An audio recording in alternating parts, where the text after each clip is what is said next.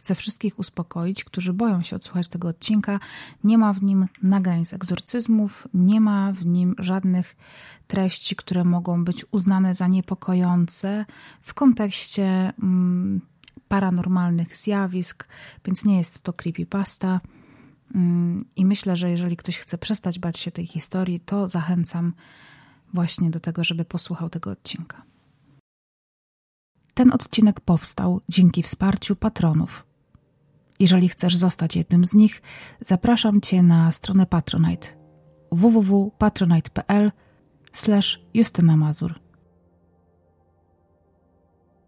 Historia, którą dzisiaj Wam opowiem, jest wyjątkowa pod każdym właściwie względem. Po pierwsze, dotyczy sprawy zagranicznej, a takiej nigdy na tym kanale nie było.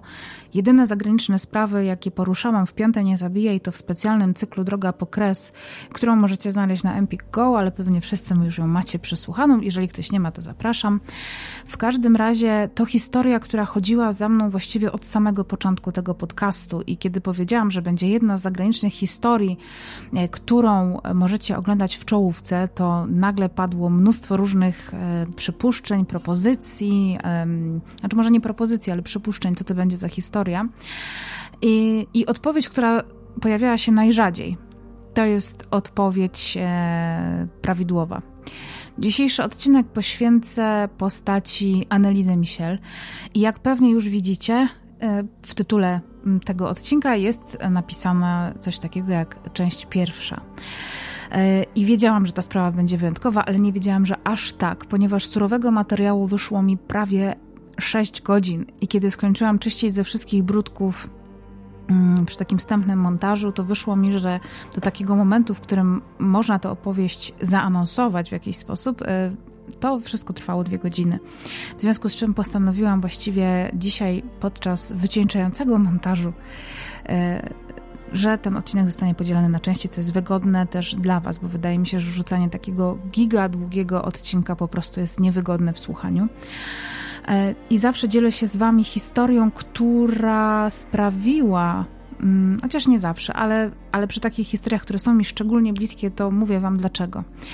I ta historia jest mi szczególnie bliska, e, ponieważ jest ze mną od kilkunastu lat. Mm, pojawiła się w moim życiu w 2009 roku, kiedy po prostu ściągnęłam sobie kilka filmów z internetu, bo wtedy jeszcze nie było takiego super YouTube'a, gdzie były dokumenty, VOD i kulały. Mm, ja sobie ściągnęłam kilka jakichś polskich starych dokumentów i wśród nich był właśnie dokument pod tytułem Egzorcyzmy Analizy Michel. To polski dokument zrobiony przez redakcję katolicką telewizji polskiej. I najpierw sobie puściłam do snu jakiś zupełnie inny film, ale miałam taki odtwarzacz multimediów, który zasysał kolejne z danego folderu. I o trzeciej w nocy obudziły mnie potworne wrzaski, jęki, jakieś niewyobrażalnie dziwne odgłosy. W dodatku mówione jakimś przedziwnym głosem, po niemiecku. I kiedy ocknęłam się, bo byłam sparaliżowana strachem, ocknęłam się w ogóle i tak odważyłam się w ogóle odwrócić, zobaczyłam, że one płyną po prostu z mojego laptopa. Ponieważ właśnie w dokumencie o egzorcyzmach Annelizy Michel yy, pojawiły się nagrania mm, właśnie tych egzorcyzmów, które księża egzorcyści przechowali do dzisiejszych czasów e, właśnie procesów, których, e, którym analizę była poddawana. I początkowo zrobiła na mnie gigantyczne wrażenie, to znaczy e, sam, sam sposób, na, w jaki trafiłam na tę historię, sam sposób, że ona mnie tak po prostu sama przeraziła. Ja wtedy byłam jeszcze wciąż mocno związana w ogóle z kościołem katolickim, chodziłam do kościoła byłam osobą bardzo wierzącą wtedy jeszcze mm, i miałam takie przekonanie, że to po prostu jest coś strasznego, że to po prostu musi być coś takiego, co nie pochodzi z, tutaj z tego świata. Jednak e, kiedy zaczęłam studia psychologiczne i trochę tej psychologii liznęłam, e, też miałam zajęcia z jakichś tam podstaw psychiatrii, biologii mózgu, i w ogóle, kiedy moja świadomość i doświadczenie życiowe się zwiększyło, e, to zaczęłam na tę historię, analizę patrzeć inaczej, ponieważ ona w tym dokumencie, do którego Was serdecznie zachęcam do obejrzenia, ale prosiłabym Was, żebyście obejrzeli dopiero po drugim odcinku, mm, tego podcastu, e, jest przedstawiana jako męczennica, jako osoba, która.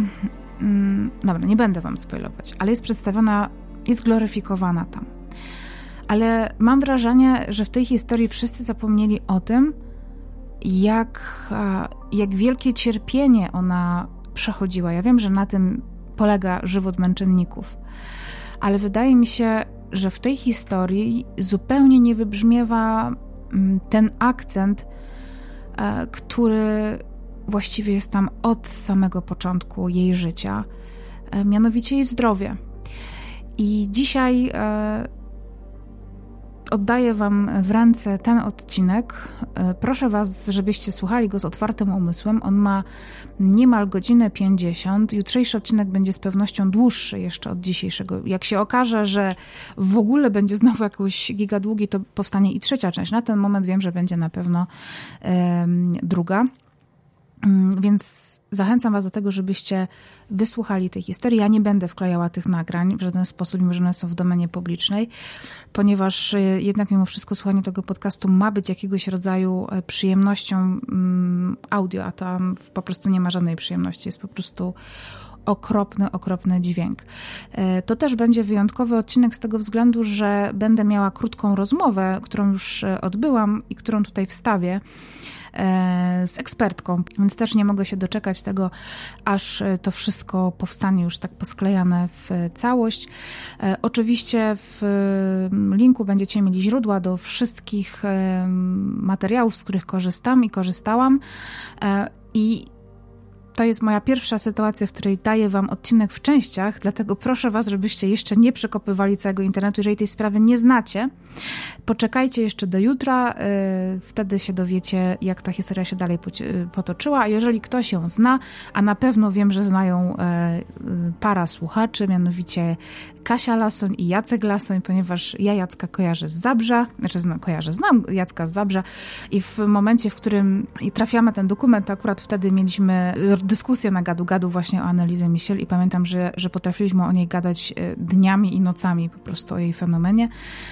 Więc e, ten odcinek tak trochę dedykuję Wam, e, bo wiem, że jesteście słuchaczami, ale przede wszystkim dedykuję go wszystkim osobom, które są osamotnione w swojej chorobie i są proszone o to, żeby tę chorobę ukrywać. Zapraszam do słuchania. Druga część zostanie opublikowana w ciągu kilkudziesięciu godzin od premiery tego odcinka. you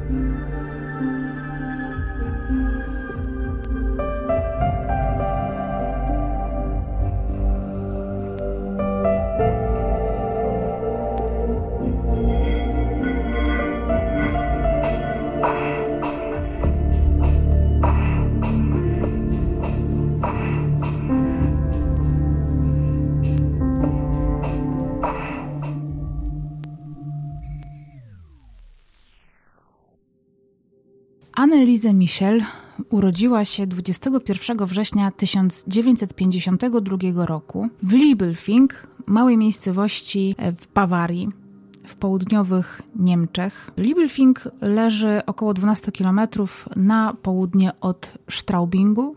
W Liebelfing właściwie od zawsze zamieszkiwało tyle samo osób, ponieważ w latach 70. mieszkało tam 3400 e, mieszkańców. E, w 2000 roku liczba ta zwiększyła się o 400 osób, e, w związku z czym operujemy tylko danymi sprzed 20 lat, kiedy to mieszkało w Libelfingu 3800 mieszkańców. Środowisko, w jakim analizę dorastała, to było środowisko rzemieślników, pobożnych katolików, ponieważ mimo, że Niemcy mogą nam się kojarzyć z krajem protestanckim, to jednak Bawaria była tradycyjnie od wieków katolicka. I to właśnie rodzina Michelów, a wcześniej też Fergów, bo y, to panieńskie nazwisko matki Anelizy Anny, y, także była w tej grupie społecznej właśnie rzemieślników. Y, z kolei ojciec ojca Anelizy, Józefa, prowadził w Klingenbergu, czyli miejscowości nieopodal, Tartak. Z kolei ojciec Anelizy, Józef, od najmłodszych lat był przygotowywany przez swoją rodzinę do tego, żeby przejść do stanu duchownego. To było niejako w rodzinie Misielów e, tradycją, ponieważ zawsze któryś z mężczyzn z danego pokolenia, e, z tej konkretnej rodziny, zawsze e, szedł do stanu duchownego, zostawał albo zakonnikiem, albo księdzem i tak właśnie miało się stać z Józefem. Jednak mężczyzna nie miał powołania i ku olbrzymiemu rozczarowaniu jego matki wybrał szkołę zawodową. E, najpierw skończył gimnazjum, potem właśnie poszedł do szkoły zawodowej i tym księdzem się nie stał. Później poznał właśnie Annę Feag, z którą się ożenił i z którą założył rodzinę. E, no i te wartości katolickie, chrześcijańskie, tak głęboka i żarliwa wiara w Boga nie minęła e, razem z odrzuceniem tego stanu duchownego, tylko została po prostu w tej rodzinie pielęgnowana na tym poziomie świeckim. I to była bardzo pobożna, bardzo spokojna, dobra, to rodzina flegmatyczna, czyli taka, która żyła sobie bardzo spokojnie, bez żadnych ekscesów, była bardzo ułożona, ale też to jest rodzina, która bardzo dobrze była usytuowana, dlatego że jako jedna z niewielu rodzin w tamtej okolicy normalnie miała służbę. To znaczy nie, nie, taką służbę, że był lokaj czy nie wiem, jakiś kamerdyner, ale były gosposie, które gotowały, które niańczyły dzieci, ponieważ e, państwo e, Michel doczekali się aż pięciu córek. Niestety to grono się pomniejszyło, właściwie ono się pomniejszyło zanim urosło. Wiem, że to zagmatwane zdanie, ale pierwszą córką państwa Misielów była Marta, która w wieku 8 lat zmarła na bardzo ciężką chorobę nerek, e, co czyniło z Anelizę na początku była drugą córką, jednak po śmierci swojej starszej siostry to ona była tą e, najstarszą siostrą. Później dopiero państwo e, Michel doczekali się jeszcze trzech córek, Gertrudy Marii, która urodziła się dwa lata po Anelizę, Barbary, która urodziła się w 56 roku i rozwite Krystynę, która urodziła się w 57 roku i była najmłodszym dzieckiem państwa Michel. I właściwie już od samego początku życia Anelizy co się wyróżniało i niestety były to choroby ponieważ zarówno Gertruda, Barbara, jak i Rozwita były zdrowymi, pogodnymi dziewczynkami, tak na analizę spadały właściwie wszystkie choroby wieku dziecięcego. Zachorowała na odrę, potem e, na świnkę, szkarlatynę, różyczkę. No, była ona bardzo chorowitym dzieckiem i przysparzała swoim rodzicom wielu zmartwień dotyczących właśnie zdrowia, tym bardziej, że przecież e, jedną córkę stracili w wyniku choroby, w związku z czym bardzo się bali i musiał im towarzyszyć ogromny lęk, że to samo spotka Anelizę. Ten zły stan zdrowia Anelizy był powodem do bardzo dużego poczucia winy przez jej matkę, która obwiniała siebie o, o to, w jakim stanie jest córka. Y, uważała, że to jest jej wina, że wydała na świat takie chorowite dziecko. Do tego wszystkiego y, bardzo często musiała z nią zostawać w domu, jeździć z nią do lekarzy, opiekować się nią, co powodowało, że pojawiała się rzadko w pracy. Y, a to z kolei objawiało się, czy skutkowało tym, że była traktowana w pracy niepoważnie. Powodowało to w Annie bardzo duże i poczucie winy, i stres, i, i, bardzo nieprzyjemne uczucia. Czuła, że właściwie ponosi porażkę na każdym polu swojego życia, bardzo ważnym, i zadawała to pytanie właściwie Bogu w modlitwach, dlaczego ona i dlaczego tyle pecha spada na to biedne dziecko, e, na ich rodzinę. E, no i też dlaczego inni tak postrzegają tę ich rodzinną w sumie tragedię e, jako powód do różnego rodzaju wymówek. Co więcej, tutaj e, na to poczucie winy Anny względem Annelizę wpływało też to, że Annelizę była dzieckiem bardzo szczupłym, wręcz chudym, nie lubiła jeść, e, odmawiała bardzo często jedzenia i Anna odczuwała z tego tytułu jeszcze większe poczucie winy, ponieważ uważała, że to jest kwestia tego, że sama po wojnie która oznaczy, odznaczyła się właściwie piętnem takim, że panował olbrzymi głód wtedy w Europie, ale, ale w Niemczech także po, po tym, jak Niemcy przegrały wojnę. W związku z czym Anna była święcie przekonana, że jej zły stan um, zdrowia i zła kondycja jej organizmu poskutkowała tym, że te 7 lat po wojnie, w 52 roku, kiedy Anelizę się urodziła, to sama e, Anna nie była na tyle dobrze odżywiona i dokarmiona, e, że sama nie mogła zaoferować swojej córce zbyt wiele dobrego. To znaczy, że pokarm był jakiś nie taki, chociaż e, po odcinku o y, Katarzynie Waśniewskiej tutaj chcę jasno powiedzieć, bo dostałam bardzo wiele wiadomości od Was, że nie ma czegoś takiego jak niewystarczająco dobry pokarm matki dla dziecka, nawet jeżeli matka jest bardzo chuda, czy jest e, osłabiona, organizm jakoś tak spina się, że, że jest w stanie dziecko zawsze, dziecku zawsze dać maksimum dobrego i, po, i pożywnego pokarmu, więc to było bardzo mylne założenie, no ale to były lata 50., wiedza bardzo jeszcze wtedy, mm, przynajmniej w kwestii karmienia piersią, nie tak oparta naukowo i wyjaśniona i omawiana szeroko jak dzisiaj, w związku z czym Anna Michel była bardzo niezadowolona z siebie jako z matki, że wydała na świat e, tak e, chorowite dziecko, które cierpi za jej jakieś zaniedbania czy za jej ułomność. Zupełnie niesłusznie. Do tego wszystkiego, kiedy Anelizę podrosła, e, to wciąż wyróżniała się swoją szczupłością na tle innych dzieci. Kiedy Anelizę skończyła 13 lat, poszła do gimnazjum w Aschaffenburgu i tam e, odżyła zarówno towarzysko, jak i zdrowotnie. To był taki całkiem dobry okres w jej życiu. Nawiązała mnóstwo znajomości, miała koleżanki, kolegów, uwielbiała chodzić do tej szkoły, e, a że znajdowała się ona dość daleko od jej e, domu i miejscowości, w której mieszkała razem z rodziną, to codziennie jeździła do tej szkoły pociągiem i uwielbiała te podróże pociągiem, ponieważ wtedy nawiązywała zawsze takie pierwsze kontakty z koleżankami, e, uwielbiała z nimi rozmawiać, podziwiać przyrodę za oknem. E, w każdym razie Analizę bardzo lubiła te podróże. I wiemy z relacji różnych jej znajomych, że to był wiek, w którym Analizę była zupełnie niewyróżniającą się absolutnie niczym dziewczynką. Zresztą ojciec Anelizę wspomina ją w ten sam sposób. Gdy Anelizę i jej siostry podrosły, Często w niedzielę wsiadaliśmy do samochodu i jechaliśmy na wycieczkę, a dziewczynki śpiewały z całego serca. Wszystkie miały dobry słuch, grały na różnych instrumentach i uwielbiały razem śpiewać. To zawsze był bardzo miły, bardzo szczęśliwy czas, zwłaszcza, że Anelizę aż promieniowała radością. Do tego wszystkiego Analiza była dość taką muzykalną dziewczynką, grała na akordeonie oraz na fortepianie, ponieważ wtedy to było bardzo dobrze widziane wśród takich e, dobrze ułożonych i sytuowanych rodzin, żeby dziewczynki potrafiły grać na fortepianie. Co działo się w szkole?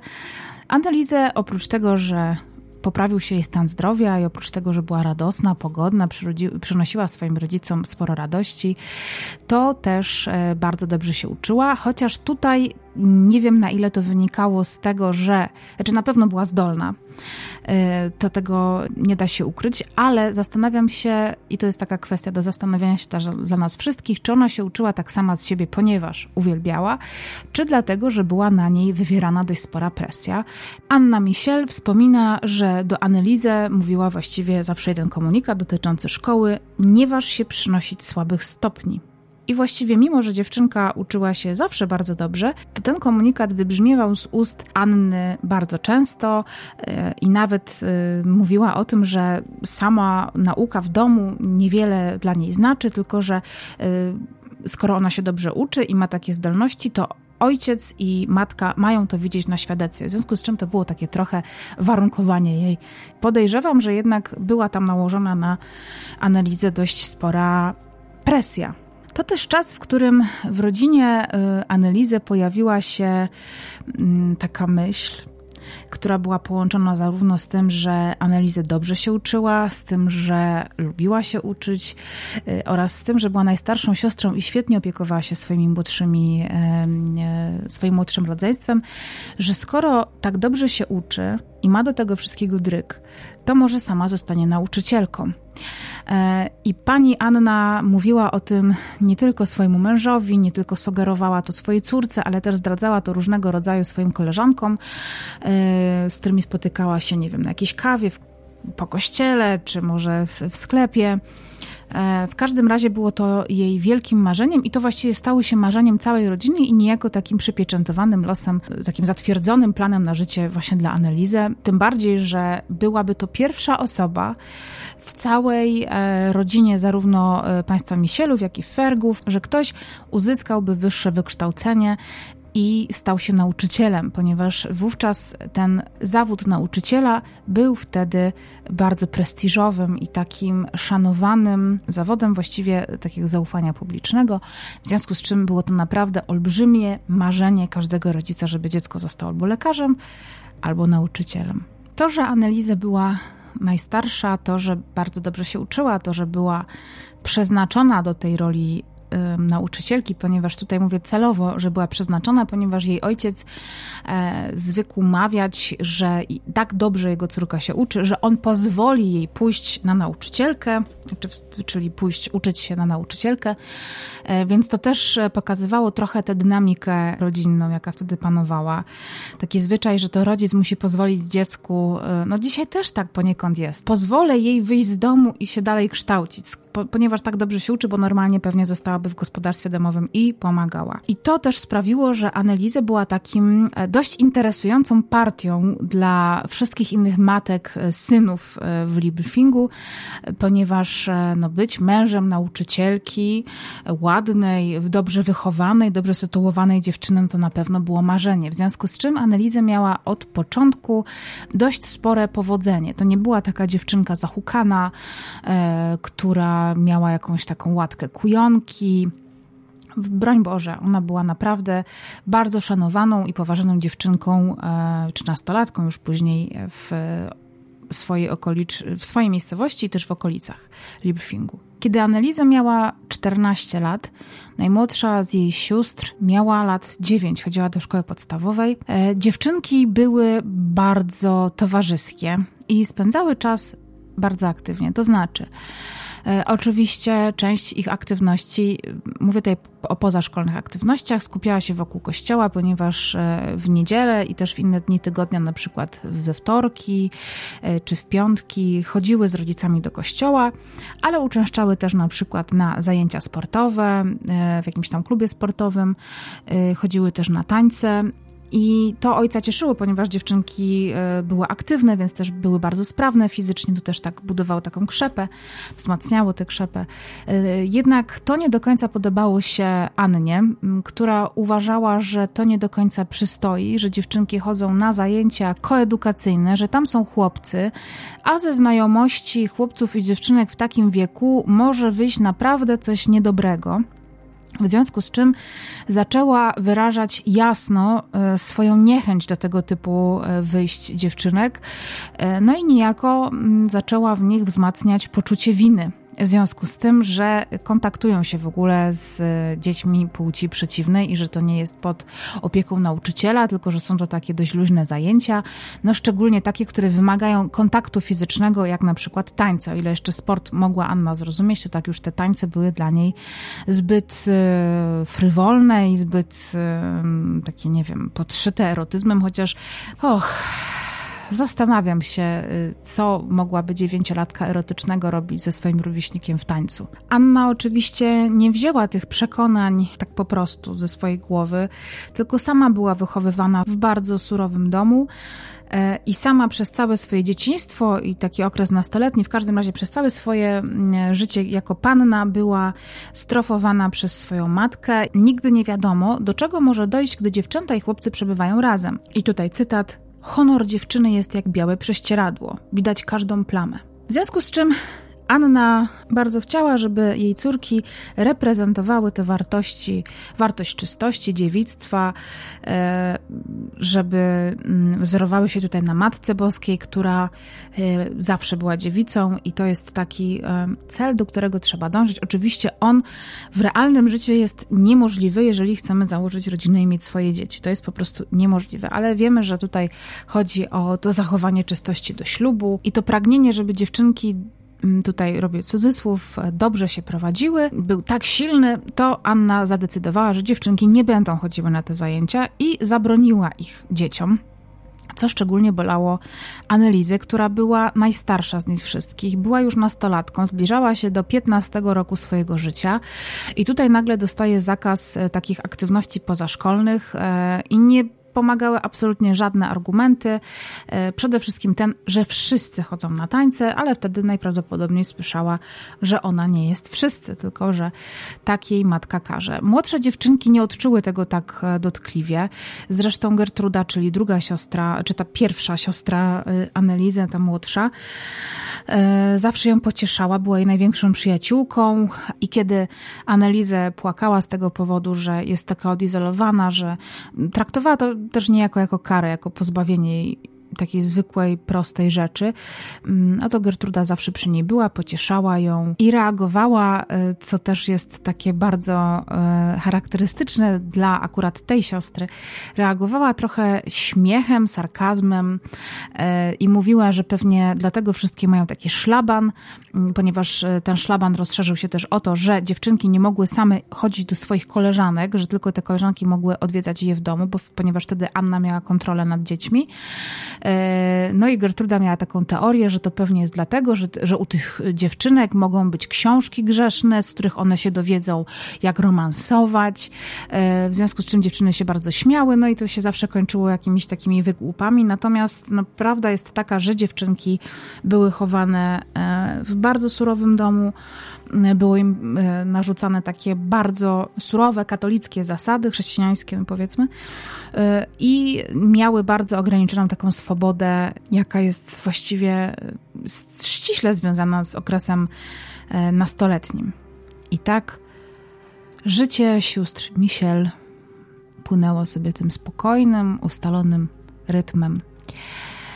Aż e, przyszedł rok 1968, a właściwie to rok szkolny 1968-69 kiedy to dziewczynki jeszcze chodziły do szkół podstawowych, a Annelize już jeździła do Aschaffenburga, do e, swojego gimnazjum, w którym marzyła razem ze swoją przyjaciółką Marią Budryś o tym, jak pójdą do szkoły pedagogicznej, właśnie do, do kolegium pedagogicznego, Pedagogische Hochschule e, i tam marzyły o tym, że będzie tam większa wolność, ponieważ dziewczyny miałyby mieszkać wtedy w jakimś tam internacie, w takim dormitorium, e, z dala od rodziców. No co prawda tam też będzie jakaś musztra i dyscyplina, ale już nie taka chyba wielka. No i szczerze powiedziawszy, to najbardziej cieszyły się na to, że będą tam właśnie jacyś chłopcy, że będzie można się w kimś zakochać, pochodzić z kimś za rękę. Być może e, były też bardzo ciekawe e, kadry pedagogicznej, która tam będzie, ponieważ dziewczyny marzyły już o tym, że będą takie dorosłe, że już się nie mogły doczekać tej dorosłości, w związku z czym były bardzo ciekawe, czego się tam też będą uczyć, e, traktowane już jako takie dorosłe panienki. Był początek roku szkolnego, a więc zbliżały się też urodziny Anelizy. Miały być to 16 urodziny. Pewnego dnia, siedząc e, w ławce ze swoją przyjaciółką e, Marią Budryś, nagle mm, Anelizę zesztywniała E, i zupełnie odcięło jej świadomość. Nie było z nią kontaktu. Maria się przestraszyła, e, próbowała jakoś spokojnie e, do Anelizy mówić, wytrącić ją z tego transu, w którym była, ale nic nie pomagało. Dopiero po chwili, po kilku minutach, tak jak to opisuje Maria, odzyskała świadomość i pomyślała, że to po prostu jest przemęczenie, że widocznie za dużo się uczyła, że musiała jakoś zasnąć na siedząco. Ale jeszcze tej samej nocy, w okolicy e, godziny 12, o północy, Annelize wstała z łóżka, była wycieńczona i zmieniła całą pościel, ponieważ odkryła, że cała jej pościel jest mokra i to mokra od potu. E, Analiza zorientowała się, że całe jej ciało, piżama czy tam koszula nocna, w której spała, była przyklejona do jej ciała e, i rano powiedziała swojej matce, że mm, musiała zmienić tę pościel, że była całkowicie przemoczona. No i powiedziała, że cały czas się słabo czuje, w związku z czym Anna pozwoliła jej zostać w domu. I właściwie na ten temat nie było żadnego, żadnej dyskusji większej, nie poszła do lekarza, po prostu przeszło jej. Ale e, niecały rok później, bo w 1969 roku, dokładnie 24 sierpnia, w ciągu dnia coś Analizę sparaliżowało.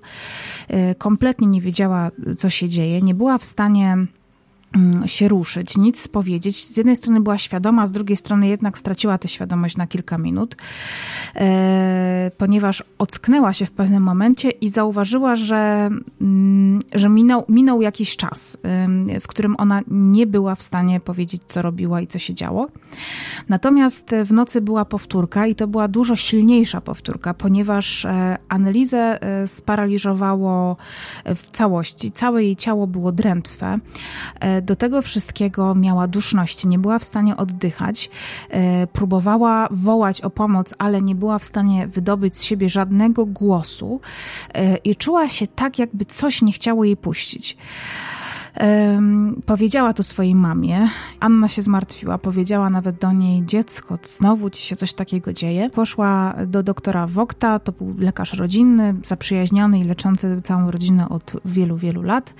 E, no i lekarz się zmartwił na tyle, że skierował analizę od razu do neurologa, do doktora e, Litiego, który przyjmował w Aschaffenburgu, czyli w tej samej e, miejscowości, w której analiza chodziła do gimnazjum. Matka pojechała tam z analizę i podczas podróży do Aschaffenburga e, Anna wyraziła e, takie zaniepokojenie stanem córki, ale przede wszystkim wyraziła zaniepokojenie tym, w jaki sposób może być odebrana ich wizyta u neurologa. Powiedziała wtedy do Analizy: O mój Boże, mój Boże, co się z tobą dzieje? Doktor Vogt stwierdził, że to może być coś z twoim mózgiem. Nie mówmy o tym nikomu spoza rodziny, tak? Wiesz, jak ludzie gadają. Są tacy nieuczeni. Annelize Misielów jest stuknięta, będą mówić. Słyszałeś? Musiała jechać do doktora od nerwów. To nie do pomyślenia. Co więcej, Anna też e, powiedziała swojej córce, że jeśli to się rozejdzie, mogą ci nie pozwolić na naukę w pedagogische Hochschule. Analiza wspomina ten moment i tę rozmowę z matką jako jedną z najgorszych w życiu, ponieważ poczuła dosłownie, jak staje jej serce, ponieważ sama myśl o tym, że jej największe marzenie o pójściu do tego kolegium pedagogicznego miałby się nie spełnić, wywoływał w niej bardzo duży lęk.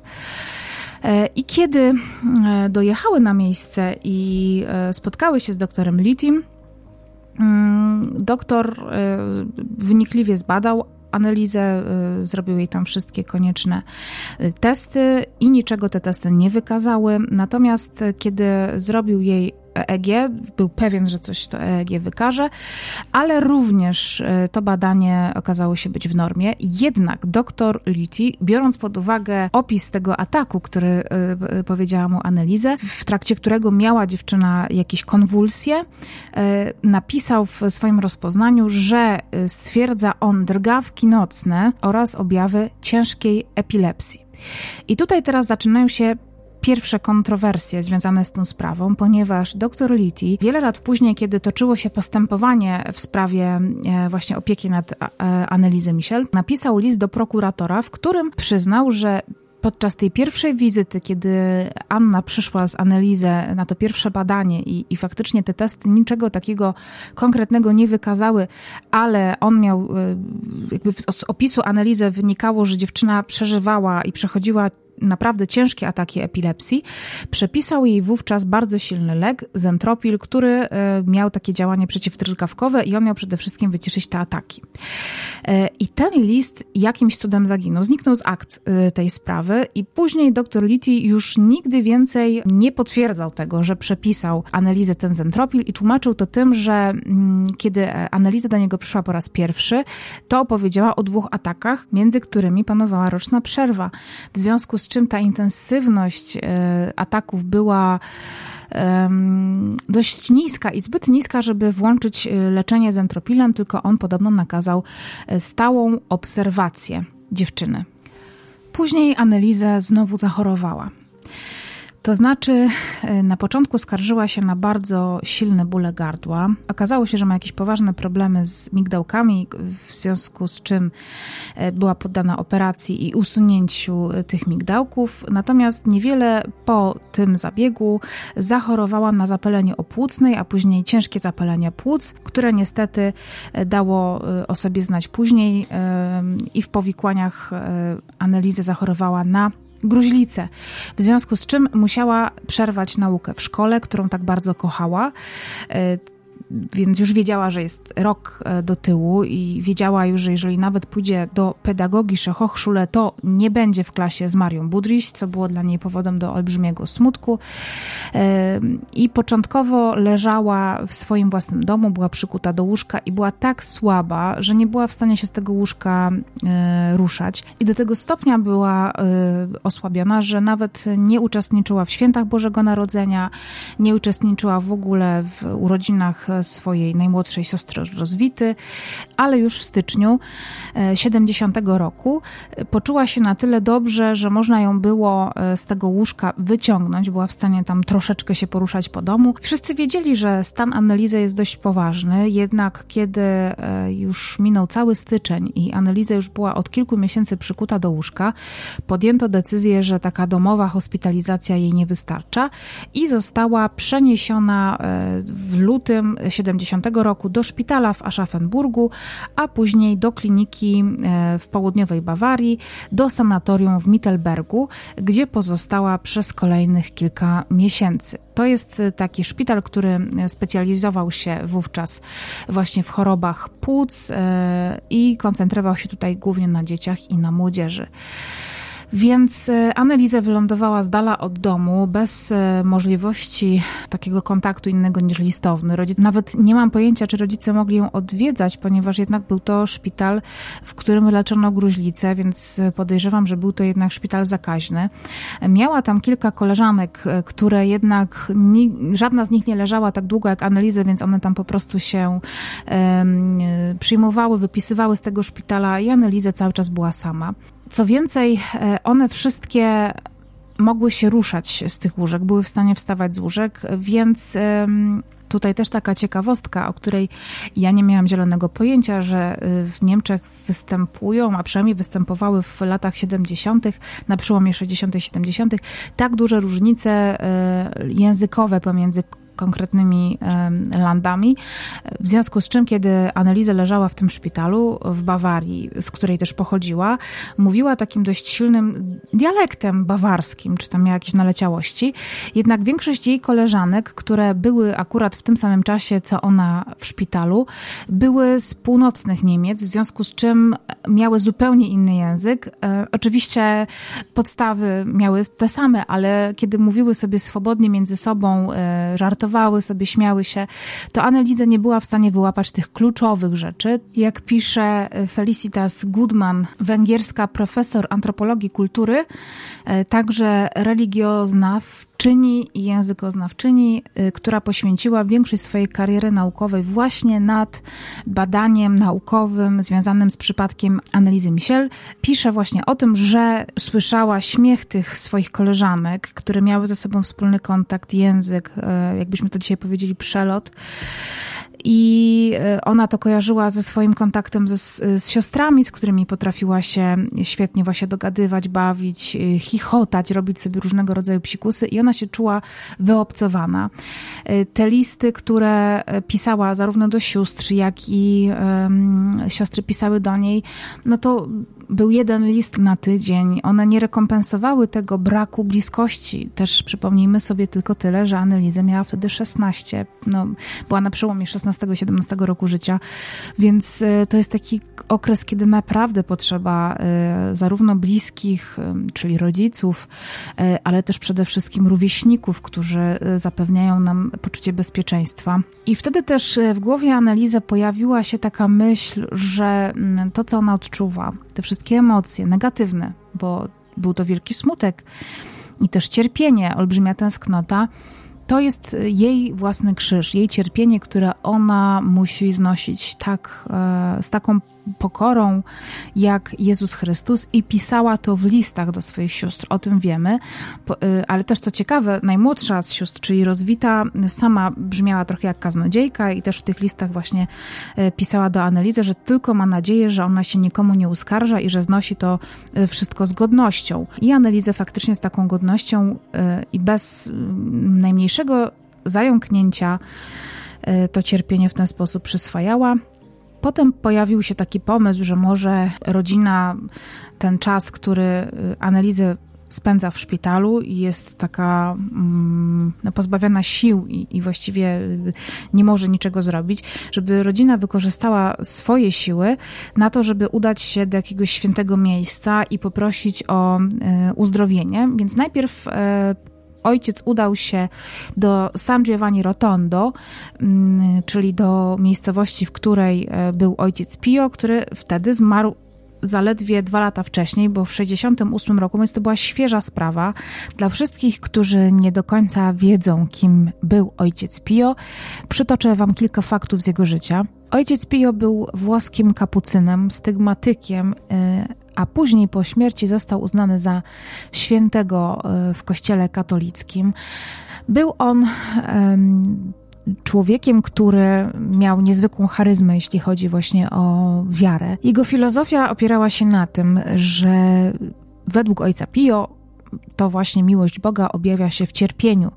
E, to właśnie ona była związana nierozerwalnie z cierpieniem i że przyjmowanie tych cierpień ze względu na Boga jest drogą duszy do osiągnięcia jedności z Bogiem. Tutaj cytat z Wikipedii. Uważał, że jego dusza jest zagubiona w chaotycznym labiryncie i pogrążona w całkowitej pustce, jak gdyby był w najgłębszej otchłani piekła. W czasie jego cierpień duchowych jego zwolennicy wierzyli, że ojciec Pio był atakowany zarówno fizycznie, jak i duchowo przez diabła. Diabeł miał mu się ukazywać jako anioł światłości, by go zwieść oraz wielokrotnie niszczyć jego korespondencję z przewodnikami duchowymi. Ojciec Augustyn da San Marco, przewodnik duchowy ojca Pio, potwierdził to mówiąc, tutaj też cytat, diabeł pojawiał mu się jako młode kobiety, krzyż, młody przyjaciel zakonników, ojciec duchowny, prowincjał zakonu kapucynów, papież Pius X, anioł stróż, święty Franciszek z Asyżu i jako Matka Boska. A z kolei w jednym ze swych listów ojciec Pio do, y, pisał do ojca y, Augustyna: Minęły 22 dni, odkąd Jezus pozwolił diabłu wyładować jego złość na mnie, mój ojcze. Całe moje ciało jest posiniaczone od bicia, które od czasu obecnego otrzymałem od naszych wrogów. Kilka razy zerwali ze mnie nawet koszulę, tak by bić mnie po nagim ciele.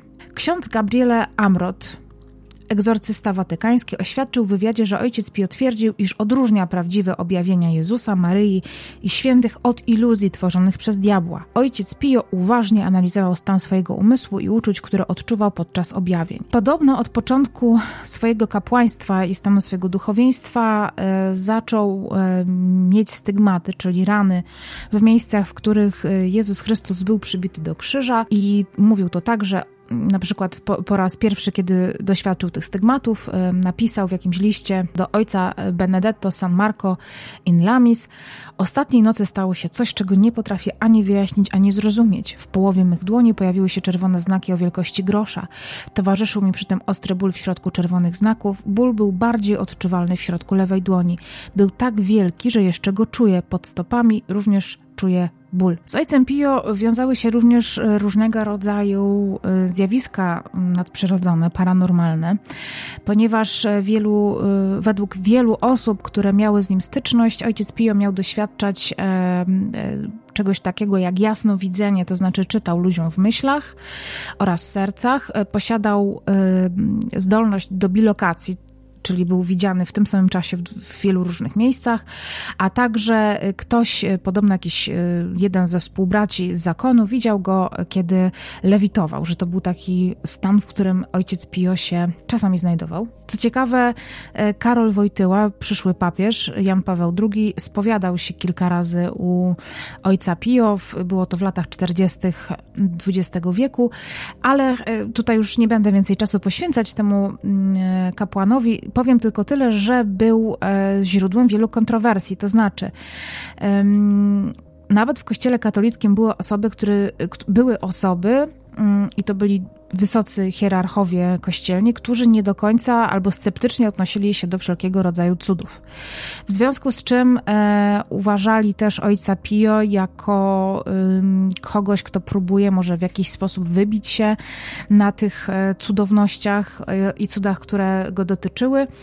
E, więc e, sam ojciec Pio był wielokrotnie poddawany różnego rodzaju dochodzeniom. E, między innymi głównie dotyczyły one jego stanu jego zdrowia psychicznego E, ponieważ e, podejrzewano u niego dość ostre objawy schizofrenii, też y, uważano go za paranoika.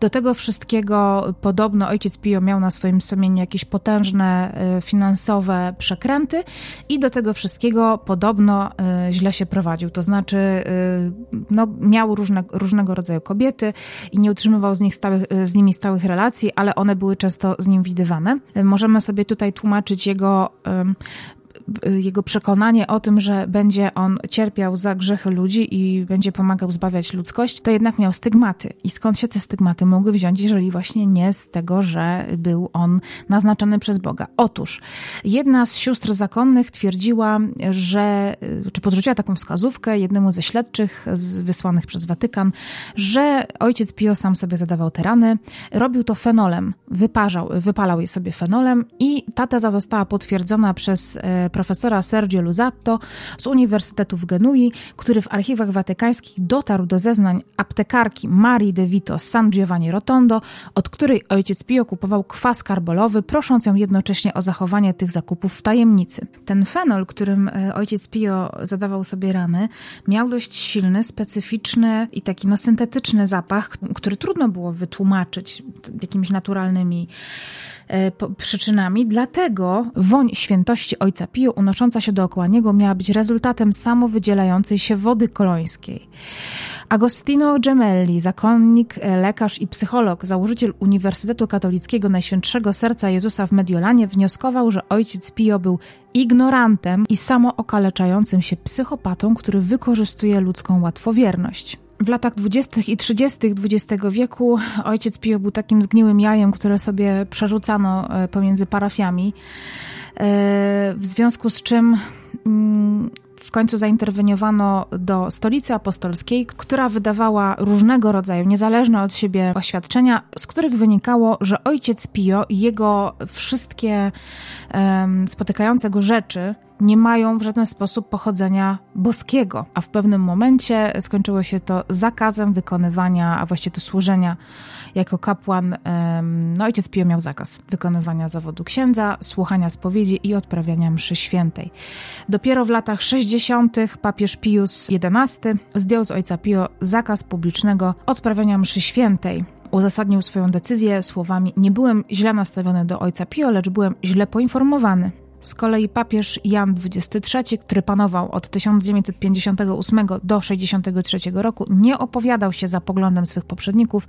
W roku 1960 napisał on o ogromnym oszustwie ojca Pio, natomiast papież Paweł VI w połowie lat 60. zdecydowanie oddalił wszystkie oskarżenia przeciwko ojcu Pio. Nie miałam o tym zielonego pojęcia, szczerze powiedziawszy. Wydawało mi się, że ojciec Pio to była taka krystaliczna postać, tym bardziej, że parafia, do której ja przez część swojego życia należałam, właśnie miała y, u siebie takie specjalne spotkania y, właśnie skoncentrowane wokół ojca Pio, a tutaj mamy dość dużo wskazówek ku temu, żeby, żeby trochę się nad tą świętością, tym fenomenem ojca Pio zastanowić. Ale dobra, to tak tylko zostawiam na moment, więc mamy ten rok 68, 70 już teraz, ale 68, w którym ojciec Pio umiera y, i podejrzewam, że jego postać jest wciąż bardzo, bardzo bardzo znana, tym bardziej, że no, z południowych Niemiec do Włoch naprawdę nie jest tak daleko, e, w związku z czym rodzina Misielów e, miałaby pojechać do ojca Pio, do tego sanktuarium w San Giovanni Rotondo. Rodzina nie wybrała się do tego miejsca. I mimo, że Annelize bardzo pragnęła, żeby e, szczególnie ojciec Józef udał się właśnie do sanktuarium, znaczy do tego domu ulgi w cierpieniu i do ojca Pio i zaniósł tam prośbę o uzdrowienie córki, to jednak tak się nie stało. Y, a w czerwcu 1970 roku Annelizę znowu y, dostała ataku tego niewyjaśnionego ataku, najprawdopodobniej epilepsji. I tutaj ten atak był jeszcze silniejszy niż poprzednie, ponieważ zaczął się od sztywności ramion. Następnie y, Anelizę miała poczucie, że całe ciało miażdży jakaś olbrzymia siła. Do tego wszystkiego y, walczyła o oddech, nie była w stanie absolutnie y, zaczerpnąć powietrza, przynajmniej takie miała wrażenie. No i wtedy po raz pierwszy oddała też mocz w trakcie takiego mm, do tego wszystkiego potem doszły konwulsje, to znaczy ona próbowała się w tym ataku uwolnić, czuła, że jakieś siły ją trzymają e, i w końcu jakimiś resztkami sił albo nadprzyrodzoną jakąś siłą niemalże mm, e, krzyknęła i na tyle głośno krzyknęła, że właściwie zerwała całe to y, sanatorium, w którym przebywała, czy ten szpital gruźliczy, na równe nogi. I ten krzyk był tak przeszywający, że właściwie cały personel medyczny zbiegł się y, do pokoju, czy tam do sali, w której leżała Annelise Michel. Natomiast kiedy to zrobili, to już właściwie było po ataku. Y, Annelise była nieprzytomna, mm, więc próbowali ją tylko odsucić. Była faktycznie cała mokra, zarówno od własnego moczu, jak i od, od potu Przebrano ją e, i położono do świeżego łóżka. I właściwie to był taki moment, w którym chyba wszyscy, którzy z nią spędzali czas, zobaczyli, że jej stan jest naprawdę poważny, a te dziewczynki, e, które tam mówiły tym innym dialektem, przez co Analiza się czuła taka dość wyobcowana, widziały, że muszą ją otoczyć większą wyrozumiałością, opieką, y, ale przez kilka dni po tym ataku właściwie nie odzywały się do niej, dlatego że Analiza właściwie non-stop spała i one miały jakieś takie poczucie, że jej stan jest na tyle poważny, że faktycznie spokój y, jej najbardziej pomoże. Ale kilka dni po tym ataku e, dziewczęta, które były razem z Anelizę, czy na oddziale, czy na sali, e, zaczęły dopytywać, co jej jest. No i jak to na nastolatki, czy nawet dzieci przystało, zaczęły spekulować, co to może być, dzieliły się różnego rodzaju historiami. I żadna z nich właściwie nie dotyczyła Anelizę, ale wzięła to sobie do serca i miała gdzieś z tyłu głowy, że to mógł być uraz głowy, więc zaczęła sobie myśleć o tym, czy ona kiedyś y, sama uderzyła się w głowę albo gdzieś upadła. I przypomniała sobie, że owszem, w dzieciństwie miała taki moment, kiedy y, upadła, mm, czy poślizgnęła się, uderzyła głową, tyłem głowy o kafelki, ale została y, później, kiedy to powiedziała lekarzom, przebadana wzdłuż i wszerz i nie, w jej mózgu nie zaobserwowano żadnych zmian, nawet na czaszce, żadnych zmian, które mogłyby wskazywać na jakieś powikłania po takim upadku. Kiedy już wydobrzała na tyle, że poruszała się o własnych siłach e, po szpitalu, pewnego wieczora, kiedy światła już zgasły, a analiza układała się do snu, zauważyła, że mm, kształty różnych mebli, krzesła, e, poręcze łóżka zlewają się w jakieś dziwne kształty, poczuła lekki niepokój, w związku z czym postanowiła odmówić różaniec. I kiedy zaczęła się e, modlić, bo ten różaniec zawsze ją uspokajał, zaczęła odczuwać dziwne mrowienie na policzkach, e, czuła, że ten moment jest jakiś taki bardziej doniosły, wyrazisty, e, zaczęły drżeć jej wargi. I w pewnym momencie poczuła taką jedność z Matką Boską. Pomyślała sobie, tak poczuła całą sobą, że to drżenie, które miała, słodycz, którą poczuła w ustach, to jest y, oznaka tego, że ona jest dzwonem Matki Boskiej, która w ten sposób, w ten dzwon wybija, czy tam bije w ten dzwon i wzywa wszystkich swoich wyznawców do modlitwy. I tak powtarzała do siebie, że jestem dzwonem, jestem dzwonem. Potem podeszła do okna, patrzyła się przez to okno, y, widziała jak błyszczy się woda, mimo że była za oknem całkowita ciemność. No i w każdym razie doznała jakiejś takiej ekstazy modlitewnej i w pewnym momencie wytrąciły ją głosy z, dochodzące z pokoju. Były to jej y, koleżanki, które zwróciły uwagę na to, że z analizy coś się dzieje. Ona była bardzo zdziwiona, wytrąciła się z tego podniosłego nastroju modlitwy, powiedziała, że po prostu się modliła. E, one powiedziały, że oczywiście wiemy, bo na głos się modliłaś, ale co się działo z twoim ciałem, szczególnie z twoimi rękami. Kiedy Analiza spojrzała na te dłonie, to nie zauważyła nic dziwnego, natomiast dziewczynki powiedziały, że jej dłonie przybrały taki mm, taką formę szponów. Każdy palec miała rozcapiżony, bardzo napięty, wykrzywiony, e, a podobno oczy były bo Analiza miała normalnie niebieskie oczy, y, opisywały dziewczynki to jako czarne oczy. Y, prawdopodobnie miały na myśli to, że rozszerzyły się Analizy całkowicie źrenice. Analiza y, nie brała tych słów na poważnie, ale w pewnym momencie, kiedy zauważyła, że dziewczynki są naprawdę zaniepokojone tym, jak ona wygląda, podeszła do lustra i zobaczyła, że jej twarz jest cała czerwona. Faktycznie miała bardzo ciemne oczy, ale przede wszystkim to, co ją najbardziej uderzyło, to to, że odczuwała bardzo silny zapach fiołków i ona była przekonana, że właśnie to jest zapach Matki Boskiej i w ogóle świętości Matki Boskiej. E, I wtedy pomyślała sobie, że bardzo żałuje, że w tym momencie nie widzi ją lekarz, bo gdyby lekarz zobaczył, w jakim ona jest świetnym stanie, bo ona czuła taką olbrzymią moc i siłę i zdrowie, to by na pewno ją e, wypisał i y, następnie mm, położyła się spać w bardzo dobrym nastroju. Noc przebiegła bardzo łagodnie, a następnego dnia Analiza dalej miała dobry humor i wtedy pomyślała, że chce się znowu pomodlić, chce znowu doznać tego niezwykłego uczucia, jakie było wczoraj i mówiła do siebie, że dziewica musi się modlić, dziewica musi się modlić. Bardzo chciała y, z kimś porozmawiać w ogóle o tym y, przeżyciu, którego doznała, więc 16 czerwca rano był wtorek, podeszła do niej pielęgniarka, mm, która ją poinformowała, że analizę ma pójść na jakieś dodatkowe badania. Podejrzewam, że po prostu dziewczynki musiały powiedzieć którejś z pielęgniarek czy któremuś z lekarzy, że y, zaobserwowały, że analizę coś się dzieje, w związku z czym e, została znowu podpięta do jakiś elektrod, e, znowu zrobiono jej EEG. I to EEG tym razem wykazało nieregularny wzór e, fal alfa wraz ze sporadycznymi falami teta i delta.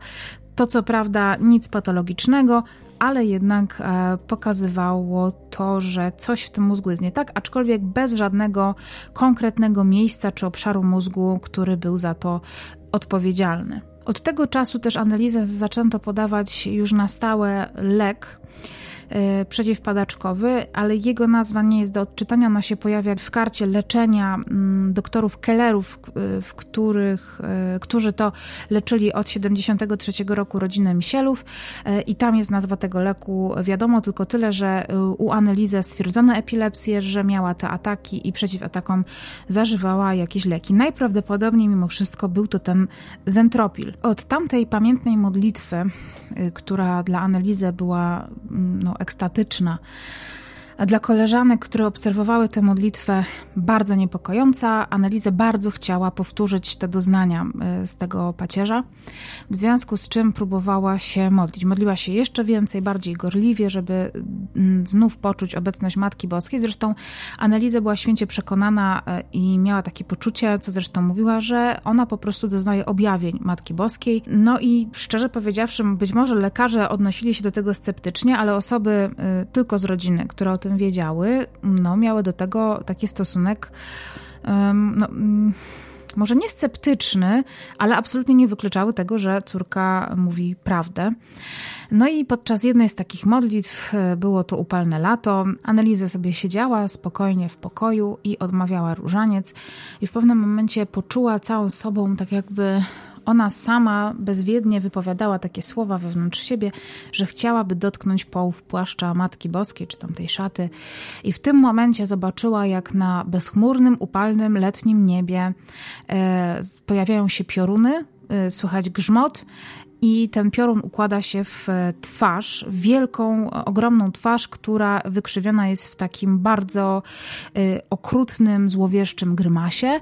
E, trwało to dosłownie ułamek sekundy. Ta twarz e, tak szybko zniknęła, jak się pojawiła e, i Annelizę od tamtej pory zaczął towarzyszyć olbrzymi, paraliżujący strach, który jej w ogóle nie opuszczał i miała wtedy taką obawę, że to był ostatni raz, kiedy się modliła, ponieważ nie była w stanie się już dłużej modlić i kiedy próbowała już się przez kolejne dni do tej modlitwy e, zebrać, to już e, coś było takiego, co ją przed tym powstrzymywało.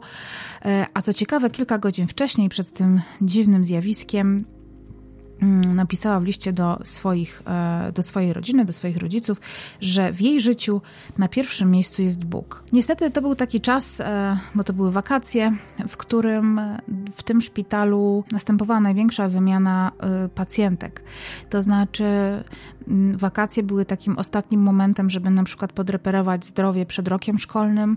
E, przypominam tylko, że Analizę musiała przerwać naukę ze względu na gruźlicę, e, no i marzyła o tym, żeby wrócić do szkoły w, już od września 70 roku, ale niestety po konsultacji z doktorem von Hallerem e, w Kempten, bo to było kolejne miejsce, w którym ona leżała, Annelize niestety została zatrzymana w tym szpitalu na kolejne 6 tygodni, co spowodowało tylko, że była jeszcze bardziej przygnębiona. Mm, co ciekawe, ona została w tym sanatorium zatrzymana też z tego względu właśnie na przygnębienie. I wtedy zaczęto zauważać u niej objawy bardzo y, silnej depresji, takiej głębokiej depresji. No i Annelize znowu uciekała się do tego, co znała najlepiej, czyli do modlitwy. Mm, I tak bardzo chciała przywołać znowu tę Matkę Boską w swoich modlitwach, poczuć ten obezwładniający zapach fiołków. Niestety w tamtym momencie y, znowu zaczęła widzieć te dziwne, upiorne twarze, a oprócz tego y, ta woń fiołków zaczęła czasami przypominać spalenizny. Znaczy, zamiast tej woni fiołków pojawiała się woń spalenizny. Do tego wszystkiego ta upiorna twarz, która jej się pojawiała, to już nie był tylko ułamek sekundy, tylko ta twarz e, się zbliżała, oddalała, pulsowała, e, wirowała. Sama analiza miała takie uczucie, że sama spada w otchłań. E, I to nie było podczas snu, tylko właśnie podczas na przykład modlitwy, kiedy ona sobie siedziała w jasnym pokoju, patrzyła w okno, modliła się i nagle po prostu dostawała takich, takich napadów. To znaczy takie miała wrażenie, że ona jest wciągana do piekła. I wtedy zaczęła się potwornie bać tego, że to nie jest e, jakiś byt, który ją nawiedza, czy który do niej przychodzi, tak jak może przyjść do niej Matka Boska, e, więc przychodzi też ta okropna twarz, która symbolizuje zło, e, tylko że ta twarz jest w niej. I to ona sama ma w sobie jakiś pierwiastek zła, który objawia się właśnie wtedy, kiedy ona niezbyt gorliwie się modli. I to jeszcze bardziej spotęgowało jej i tak już mocno zaawansowane stany i zaburzenia lękowe, e, ona odczuwała wręcz fizyczny strach. I są lekarze, którzy wspominają, że ona w ogóle fizycznie e, wykazywała takie oznaki dużego strachu. Nie lęku, ale strachu, czyli takiego fizycznego, fizycznej obawy o własne życie. W sierpniu znowu dr von Haller zlecił EEG, tym razem e, znowu nie wykazała jakichś hardkorowych nieprawidłowości.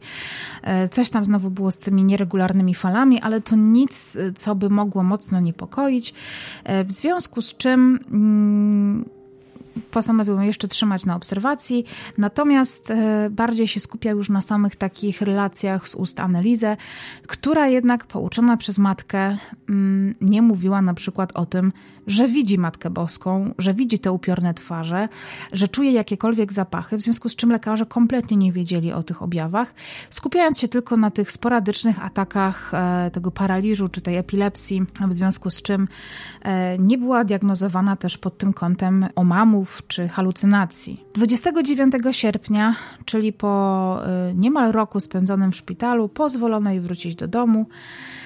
I kiedy e, cała rodzina się o tym dowiedziała, wszyscy nie mogli się posiadać z radości, szczególnie siostry, mm, ale kiedy Annelize trafiła do domu, e, to wszystkie zgodnie stwierdziły, że Annelize jest zupełnie inna niż była wcześniej, że jest markotna, że jest bardzo apatyczna, zmęczona, smutna. E, nawet zastanawiały się, czy w ogóle Annelize jeszcze je kocha. Wtedy ona oczywiście mówiła, że oczywiście zgłupiały, bo one tak do siebie mówiły, że są głupie, szurnięte i tak dalej, więc Anneliza stanowczo za, zaprzeczała, mówiła, bardzo kocham was wszystkich, wiem o tym, po prostu jestem zbyt zmęczona, żeby to czuć. Chyba już nie jestem w stanie czuć czegokolwiek. I patrząc na to zdanie i na tę wypowiedź Annelizę, czy to nie jest e, wypisz, wymaluj objaw depresji e, i takiego całkowitego zobojętnienia, takiego wyprania z emocji, z jakichkolwiek uczuć? E, wydaje mi się, że to był wtedy taki moment, kiedy ta depresja u niej była najbardziej nasilona i rodzina e, wiedziała, że Analizę po tym szpitalu, po tych kilku miesiącach w szpitalu, po ciężkich chorobach e, i napadach padaczko, e, że Analiza jest bardzo zmęczona, więc wszyscy się szykowali na to, żeby powrócić do normalności i w niedzielę, w tygodniu, w którym właśnie Analiza wyszła ze szpitala, Józef Michel zarządził, że cała rodzina wspólnie wybierze się do kościoła. W przeddzień tej wizyty w kościele Annelise poszła do swojego pokoju. Tam z największą przyjemnością położyła się w świeżo wypranej i wysuszonej e, pościeli, e, takiej, której zapach świetnie znała, po prostu poczuła się jak w domu. Mm, I pomodliła się wtedy do Boga, a wiemy to wszystko z jej późniejszych wyznań, e, które czyniła różnym księżom zaangażowanym w jej przypadek pomodliła się wtedy, mówimy tutaj o sierpniu 70 roku, do Boga mm, słowami: O Panie, chętnie będę dźwigać swój krzyż, ale proszę, proszę, niech on nie będzie taki. Jednak były jakieś dobre rzeczy na horyzoncie Annelizę, ponieważ skoro wróciła do domu tuż przed końcem sierpnia, to oznaczało, że może wrócić od września do szkoły. I tak się stało. E, trafiła do szkoły średniej w Aschaffenbergu e, i tam zaczęła ponownie edukację. Jednak wtedy znowu zaczęła się mierzyć z pewnymi problemami, ponieważ e, z racji tego, że na początku jej szkolnej edukacji Anneliza bardzo ciężko chorowała, to ma te wszystkie choroby wieku dziecięcego, odra, ospa, świnka, różyczka, to, to poskutkowało tym, że sama poszła do szkoły rok później, a teraz e, w wieku 16 lat straciła kolejny rok, w związku z czym e, w klasie, do której trafiła, wszystkie dzieci były od niej o dwa lata młodsze. To było dla niej bardzo bolesne i takie um, może trochę wstydliwe. E, w związku z czym e, cała rodzina ją pocieszała, że w tej samej szkole uczy się przecież jej przyjaciółka Maria Burdiś, ale niestety e, Annelizę to nie pocieszało, ponieważ wiedziała, że będzie siedziała w ławce z kimś innym i siedzenie z Marią jest niemożliwe, ale na szczęście w tej szkole była też jej koleżanka, którą znała, Ursula Kuzaj i to właśnie ona stała się na tamten moment najbliższą Annelizę koleżanką. Ale nawet Ursuli, z którą spędzała wtedy najwięcej czasu, nie była w stanie zaufać.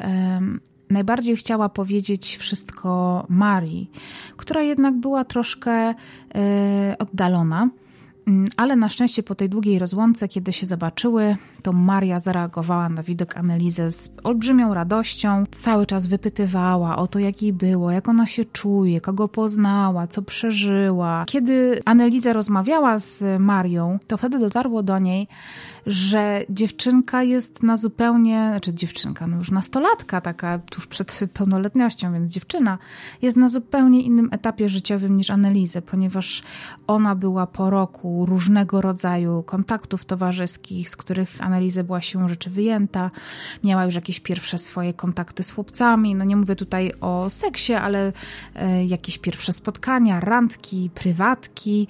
E, i to była sytuacja, w której Annelizę Elizę poczuła, że jest zupełnie sama i że nie podzieli się absolutnie z Marią tym swoim sekretem o wizycie Matki Boskiej, a już tym bardziej nie powie jej o tych upiornych twarzach, które ją e, zaczęły nawiedzać.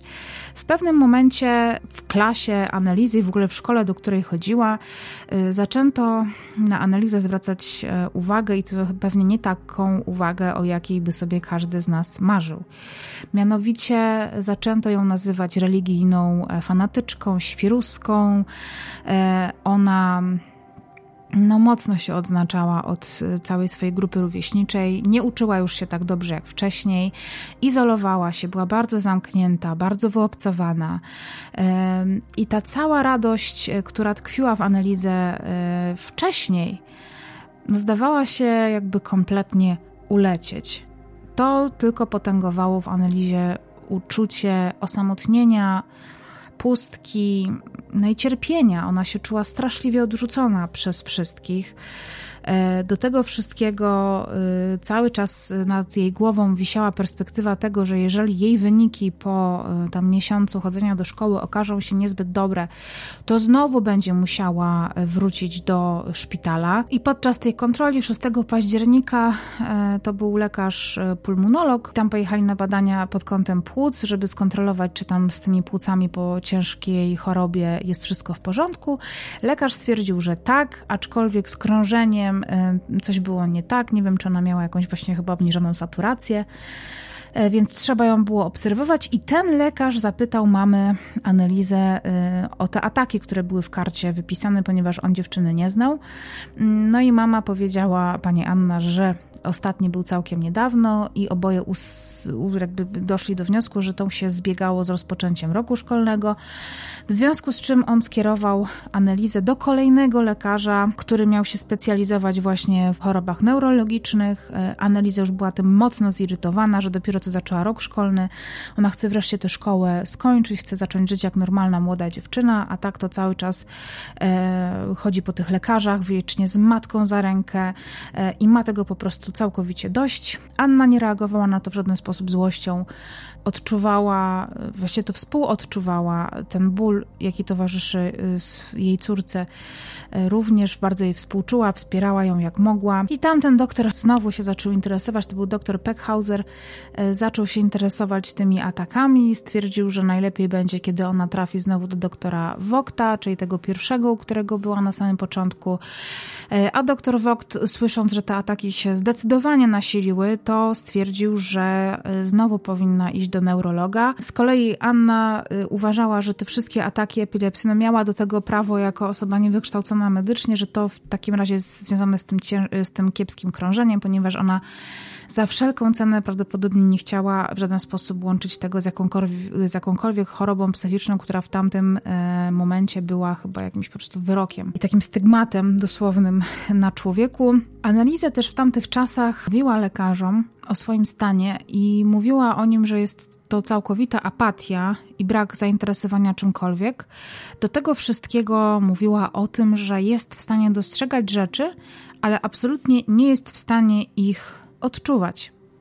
I w czerwcu 1972 roku, pod koniec roku szkolnego, Anneliza miała kolejny i najostrzejszy dotychczas atak, e, który poskutkował tym, że przez kilka dni była niemal nieprzytomna, była całkowicie wyczerpana. E, ten atak zaczął się zupełnie nagle, nie był poprzedzony niczym, nawet żadnym takim e, niepokojem, zesztywnieniem. Czasami, jeżeli mamy do czynienia z osobami chorymi na epilepsję, mm, ja miałam na przykład wujka, który był chory na epilepsję, to on przed atakiem zawsze zaczynał tak bardzo inaczej oddychał, inaczej się patrzył, trochę mu jakby ruchy spowalniało, a potem zaczynał tak jakby tak ciamkać bardzo i wtedy było wiadomo, że zaraz będzie atak padaczki.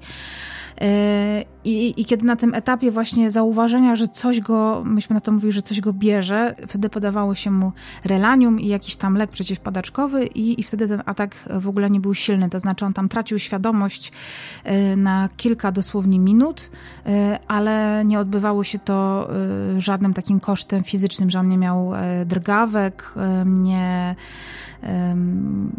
nie miotał się w konwulsjach i tak dalej, więc ten atak był dużo łagodniejszy. Natomiast e, te ataki, no tak jak mówię, tak się pojawiały szybko i znienacka zupełnie, ale tak samo odpuszczały, że analiza po prostu nagle wracała do żywych.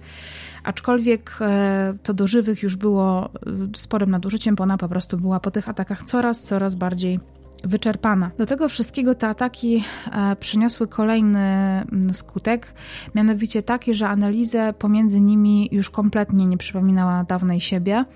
To znaczy, oprócz tego, że była apatyczna, że była ciągle zmęczona, że była bardzo markotna, to do tego wszystkiego e, widać było, że e, odczuwa cały czas olbrzymi poziom lęku i nie była w stanie się w żaden sposób odprężyć. Cały czas była na takim, w takiej fazie jakby czuwania, jakby za moment czekać niebezpieczeństwo, co zresztą nic dziwnego w tym nie ma, dlatego że jeżeli ona miała świadomość tego, że ten atak może po prostu przyjść w każdej sekundzie, no to w każdej sekundzie swojego życia próbowała być na ten atak przygotowana. ale oczywiście, jak wiemy, nie da się przygotować e, psychicznie na coś takiego. 5 e, września 72 roku Anna zabiera swoją córkę znowu w podróż do Aschaffenburga, do szpitala, e, do doktora Litiego. O, czyli zgadłam, że będzie doktor Liti znowu. E, czyli neurolog, e, dlatego że Anna już nie może patrzeć na cierpienie córki. Ona po prostu e, wspomina tam ten czas jak taki moment, w którym Annelizę mogłaby się zamartwić na śmierć, że była tak strapiona, że to graniczyło w ogóle z jakimś takim ostatecz... że to graniczyło po prostu z taką ostatecznością. Tutaj znowu zostaje poddana badaniu EEG, które znowu nie wykazuje żadnych nieprawidłowości, ale kiedy doktor Liti słyszy, że analizę tych ataków ma coraz więcej, one są coraz częstsze, częstsze, coraz dłuższe i coraz mają więcej powikłań, przepisuje jej e, oficjalnie znowu zentropil i jest ślad w jej karcie medycznej i prosi, żeby przychodziła bardzo regularnie na kontrolę. W związku z czym analizę przychodzi do niego na kontrolę po miesiącu, potem przychodzi 9 lutego, potem przechodzi 27 marca, 4 i 6 czerwca. I tu już mówimy o wiośnie 73 roku. I to była wiosna, w której e, Annelize miała pisać maturę, co było dla niej niezwykle stresującym wydarzeniem, ponieważ po pierwsze obawiała się, że znowu zachoruje i zostanie od tego egzaminu odsunięta, tak po prostu niezależnie od siebie, więc e, dołożyły się jeszcze e, dodatkowe powody do tego, żeby odczuwać stres i lęk.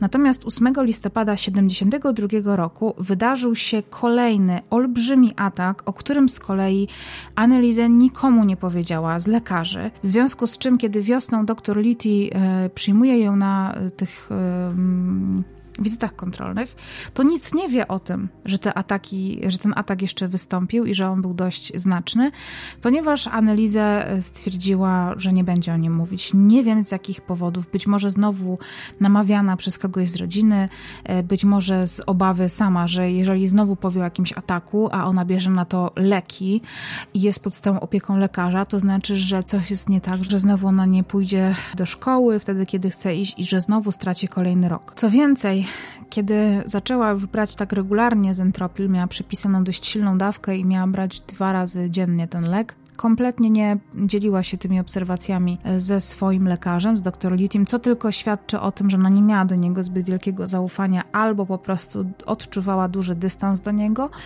e, ponieważ e, właśnie w wyniku brania zentropilu mm, miała coraz więcej i coraz częściej te ataki czy coraz więcej tych ataków, które się działy coraz e, częściej, ale e, bywały takie bardzo słabe, to znaczy, że one się kończyły tylko i wyłącznie na zesztywnieniu kończyn i paraliżu e, i na utracie świadomości bez konwulsji na przykład. Więc ten zentropil miał takie działanie przeciwdrgawkowe też, więc na przykład to wyciszał, ale powodował, że tych ataków było dużo więcej. I do tego wszystkiego analizie zaczął towarzyszyć właściwie przez cały czas e, smród to znaczy nie ona sama brzydko pachniała, ale odczuwała potworny smród spalenizny, ekskrementów, gnojówki, najgorsze zapachy, jakie można czuć, to analizę wtedy y, odczuwała. Na początku myślała, że to ona wydaje takie zapachy, pytała nawet ludzi, czy śmierdzi, ale, ale tak nie było. I kiedy raz y, próbowała podzielić się z jednym z lekarzy właśnie tą obserwacją na temat e, smrodu i jakoś to powiązała e, z tym, że to jest taki smród jakby czarta, że, że, to jakiś, że to jest taki diabelski smród. Lekarz wtedy troszkę się roześmiał. I tutaj właśnie autorka książki, pani Goodman, e, wskazuje mm, tutaj właśnie na to, że pomiędzy lekarzem, który reprezentował taki świat oświecony, świat nauki, też wyższej sfery, jaką byli lekarze, do takiej dziewczynki z Bawarii, która e, ma dość takie tradycjonalistyczne podejście, która jest zakorzeniona w takiej trochę zabobonnej religijności, że jej takie porównania są po prostu poniekąd śmieszne i na pewno nie warto ich brać jakoś specjalnie pod uwagę. No i tutaj niestety popełnia olbrzymi błąd lekarski, ponieważ zamiast ignorować coś takiego jak omam węchowy, no to przecież jest to, e, jest to objaw, e, może to być objaw bardzo ciężkich zaburzeń psychicznych. Do tego wszystkiego w 1973 roku, do wszystkich okropnych objawów, uciążliwych objawów, które towarzyszyły analizę, pojawiło się stukanie, które analizę słyszała głównie będąc w swoim pokoju. Słyszała takie przedziwne stukanie, jakby ktoś e, był pomiędzy ścianami i pukał. Nikt tego oczywiście nie słyszał, ale w pewnym momencie, jak prosiła siostry, żeby się wsłuchały i żeby słyszały, no to one też zaczynały słyszeć różne rzeczy. To trochę irytowało Annę, e, no ale skoro miała już takie też e, świadectwa, powiedzmy, ze strony na przykład Rozwity czy tam Gertrudy, no to stwierdziła, że trzeba to oczywiście zbadać, ale e, posłała wtedy córkę do laryngologa. Laryngolog oczywiście nie stwierdził żadnych nieprawidłowości nieprawidłowości z jej słuchem, co też e, bardzo ucieszyło y, ojca analizę, Józefa, który był absolutnie przekonany, że wszystko, co się dzieje z analizą, ma podłoże psychiczne że jest to efekt jej ciężkiej epilepsji i różnych powikłań po epilepsji. Natomiast Anna, e, która jeździła e, z analizy po tych lekarzach i słyszała raz po raz, że EEG niczego nie wykazuje, że ona nie ma na przykład wodogłowia, że nie ma urazów czaszki ani mózgu, że to po prostu wszystko jest związane z czymś innym że to nie może być głowa. I wtedy, w tym 73 roku, Anna rzuca e, Józefowi taką myśl, że zaczyna powoli uważać, że to, co spotyka ich najstarszą córkę, ma e, podłoże nadprzyrodzone, że to po prostu nie może być żadna choroba. Józef był do tego bardzo, bardzo sceptycznie nastawiony, nawet wyśmiał żonę wielokrotnie, e, kiedy to próbowała mu powiedzieć. Zresztą e, Anna w pewnym momencie zaczęła mówić o tym, że być może ignorujemy w tym momencie to, że nasza córka jest na przykład uosobieniem e, jakiegoś demona, albo że zamieszkał w niej jakiś demon i jeżeli nie zajmiemy się wypędzeniem go, to ona zostanie potępiona. I tutaj warto też wspomnieć o tym, że rodzina Michelów była bardzo związana z Kościołem i była bardzo przeciw, y, przeciwna wszystkim zmianom, które zachodziły wtedy w Kościele, związane z ustaleniami ostatniego soboru, który wtedy był. I podczas tego soboru ustanowiono na przykład to, że msze nie były y, prowadzone po łacinie, którą zresztą każda z dziewczynek y, Misielów świetnie znała bo była uczona mm, zarówno w szkole, jak i przy kościele właśnie łaciny, e, tylko mogła być odprawiana w języku ojczystym danego tam kraju. A oprócz tego nie była odprawiana tyłem do wiernych, tylko przodem do wiernych, tak jak to widzimy dzisiaj. Wcześniej, e, tam przed 60 którymś rokiem, mszę ksiądz odprawiał tyłem do, y, do wiernych i odprawiał ją tylko i wyłącznie po łacinie. Stąd też, o czym ja na przykład nie wiedziałam, jak byłam dzieckiem, e, dlaczego na przykład starsze kobiety, które przychodziły na mszę, to w ogóle jakby nie brały udziału w tej mszy, tylko na cały czas się modliły, szczególnie na wsi u mojej babci tak było i mówił, modliły się nawet pod nosem, zamiast brać udziału w tej mszy i wtedy moja mama, która wówczas studiowała teologię, powiedziała mi, że to jest związane z tym, że po prostu w trakcie, kiedy one zaczynały chodzić do kościoła, to właśnie nie rozumiały nic tej mszy, ponieważ cała była po łacinie. Ksiądz stał tyłem i to była taka msza, która właściwie nie wyglądała jak... E, jak coś, w czym można uczestniczyć, tylko jak coś, co można biernie oglądać. Taka to była wtedy zmiana, no i właśnie rodzina Michelów nie była zwolenniczką tych zmian. E, oni byli właśnie przyzwyczajeni do takiej tradycji e, i takiej też tradycji w kościele szukali. Ona była właśnie dla nich najbliższa. Wiosną 73 roku Annelise znowu choruje Tutaj, przepraszam, wprowadziłam Was w błąd w tych wszystkich, w tym całym zestawie chorób dziecięcych, na jakie analizę chorowała. Nie było różyczki, ponieważ na różyczkę e, zachorowała dopiero e, w klasie maturalnej, kilka tygodni przed maturą. Na sześć tygodni znowu została zatrzymana w domu, ale to nie przeszkodziło jej wziąć udziału w e, egzaminie i zakończyć szkołę, o czym tak bardzo marzyła. To też sprawiło, że analizę spadł olbrzymi kamień z serca. Te dwa lata, które analizę straciła na chorobach, spowodowały, że tak się wstrzeliła ze zdaniem matury, mm, że wszystkie trzy pozostałe jej siostry również w tym samym czasie kończyły y, szkolnictwo na różnych etapach. Na przykład Gertruda zakończyła y, naukę w Euroszule, Barbara w Kraus Handels Schule, czyli w szkole zawodowej, a Roswita z kolei skończyła dziesiątą klasę gimnazjum, czy też jakby skończyła kolejny etap nauki. Z kolei Roswita uczyła się w Obernburgu nad Menem czyli jako jedna poszła do innej szkoły. E, I to był taki czas, który rodzina chciała spędzić na radości, na ucztowaniu, Mm, to miało być jedne z najwspanialszych wakacji dziewczynek, ponieważ każda z dziewczyn, przepraszam, każda z nich skończyła ważny dla siebie etap nauki. Jednak jedyną osobą, która e, właściwie miała największe powody do świętowania, ponieważ pokonała wszystkie choroby i mimo tych chorób i bardzo złego samego, samopoczucia zdała całkiem nieźle maturę. Była to pierwsza matura w tej rodzinie. E, to oznaczało, że Annelize będzie mogła pójść do tej pedagogische Hochschule, ale niestety niestety y, to spowodowało, czy to nie spowodowało żadnej radości w analizie. Czuła się kompletnie wyprana z jakichkolwiek emocji i tylko mówiła, że czuje się jak w głębokiej dziurze. I to sprawiło, że rodzina postanowiła pojechać z analizy, to znaczy tutaj wyznaczony na podróż został Józef, żeby pojechać do Niziny Padańskiej, do miejscowości San Damiano. San Damiano to oczywiście miejscowość we Włoszech, w której jedna z jakichś zakonnic, przepraszam, nie będę za bardzo zgłębiała tej historii, w każdym razie była to jakaś siostra zakonna, która e, zaczęła doznawać e, objawień Matki Boskiej.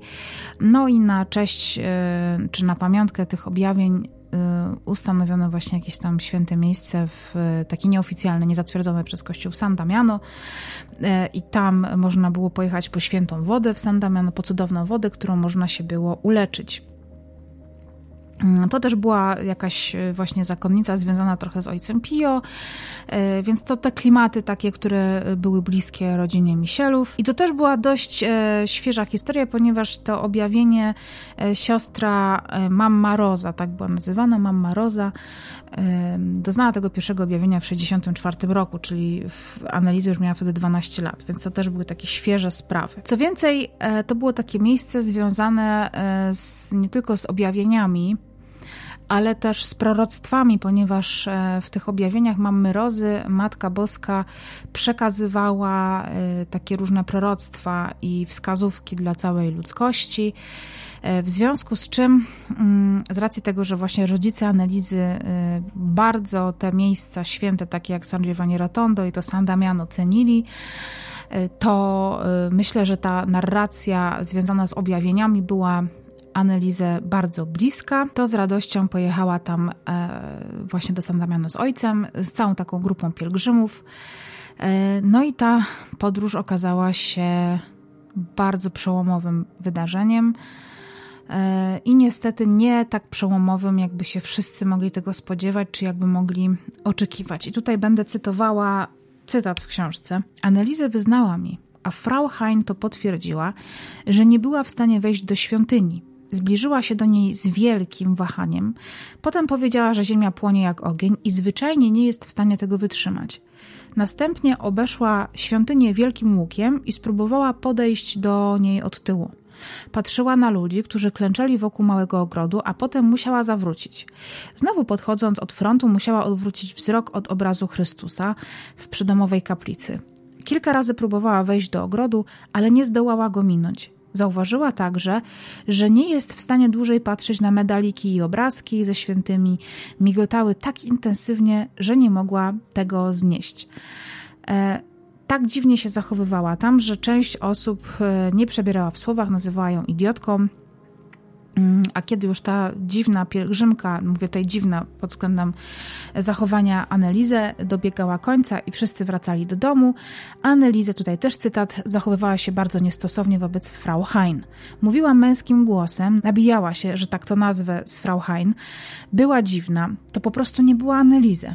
Zdarła medalik, który nosiła Frau Hein, rozsiewała odór, jakiego Frau Hein nigdy wcześniej nie czuła, jakby fekalia albo spalenizna. Czuli to wszyscy w tym autobusie. Jak powiedziała mi Frau Hein, inni pasażerowie byli poirytowani tym, że młoda dziewczyna zachowuje się w taki sposób, że bardzo głośno mówi i tak dalej. W tych okolicznościach to całkowicie niestosowne. Potem jej ojciec usiadł obok niej i ludzie wyraźnie zaczęli rozumieć, że z Annelizę dzieje się coś szczególnego. Kiedy wróciła do domu, Anna zaczęła ją mocno e, motywować, tutaj robię cudzysłów palcami, do tego, żeby zebrała siły i mm, rozpoczęła naukę w pedagogisze Hochschule, dlatego że zbliżał się e, rok szkolny, czyli rozpoczęcie roku akademickiego. Mm, no i to marzenie już było na wyciągnięcie ręki, ale Anneliza mówiła jej, że ona po prostu nie ma siły, że nie jest w stanie niczego zrobić, co dopiero iść do nowej szkoły. I kiedy to powiedziała, e, Anna się zirytowała, powiedziała, że już ma tego trochę dość, że nie można wiecznie leżeć w łóżku i być markotna. I wtedy Anneliza powiedziała jej o tych upiornych twarzach, e, które widuje. I kiedy Anna o tym usłyszała, mm, Zaciągnęła oczywiście córkę znowu do lekarza i był to doktor Liti, który po raz pierwszy po tylu latach usłyszał e, właśnie o tych twarzach, w związku z czym zaczął je wiązać z tymi atakami. Powiedziała mi, że często widzi fracę i że jest w niej diabeł. Następnie stwierdziła, że każdego czeka sąd przez ogień. Nie mogła się pozbyć z głowy tych rzeczy, nie była w stanie podejmować decyzji i wszystko w niej było puste. Analiza też nie była w stanie tych twarzy jakoś bliżej opisać, jaki oni ma, jakie one mają grymas twarzy. Y, czy to są ludzie, czy to są jakieś stwory. Powiedziała tylko tyle, że to są po prostu upiorne twarze, więc też nie była w stanie ich jakoś y, opisać. I podobno właśnie podczas tej wizyty u doktora Litiego, tuż przed pójściem do e, tej szkoły pedagogicznej, tego kolegium pedagogicznego, kiedy Annelize cały czas mówiła o tym, że te twarze są po prostu diabelskie, upiorne i tak dalej, podobno czego się doktor Liti potem wypierał, ponieważ e, sam chyba nie był wierzącym człowiekiem, więc nie za bardzo e, widział w ogóle taką możliwość wypowiedzenia takich słów, ale podobno, i tutaj tak twierdzi Anna Michel, że na wieści o tym, że właśnie twarze były upiorne i takie demoniczne, dr Liti kazał Annelizie pójść do jezuitów i tam się do nich zwrócić, być może oni pomogą. Podczas tej wizyty dr Liti e, widzi, że z Annelizę dzieje się znowu e, coś bardzo niedobrego. Miał on pewne zastrzeżenia do jej prawdomówności, to znaczy nie mógł on jako lekarz, jako naukowiec potwierdzić w żaden sposób jej słów e, empirycznie. No ale z drugiej strony, jeżeli robimy badania psychiatryczne czy psychologiczne, no to wszystko się dzieje w naszej głowie i trudno jest to empirycznie w ogóle potwierdzić. E, nie był też w stanie stwierdzić objawów psychotycznych e, u Anelizy. Miał jednak do niej pewnego rodzaju dystans. Być może wiedział albo docierało to do niego od na przykład osób trzecich, takich jak Anna, że dziewczyna nie jest do końca z nim szczera. W każdym razie razie y, był przekonany, że zdrowie y, psychiczne Anelizy się pogarsza i do tego zantropilu dopisał jej wtedy mm, krople aolept. Y, to, to jest lek, który zwykle przepisywał w przypadku niepokoju na tle nerwowym dzieciom i młodzieży i farmakologicznie jest to środek o średniej sile działania.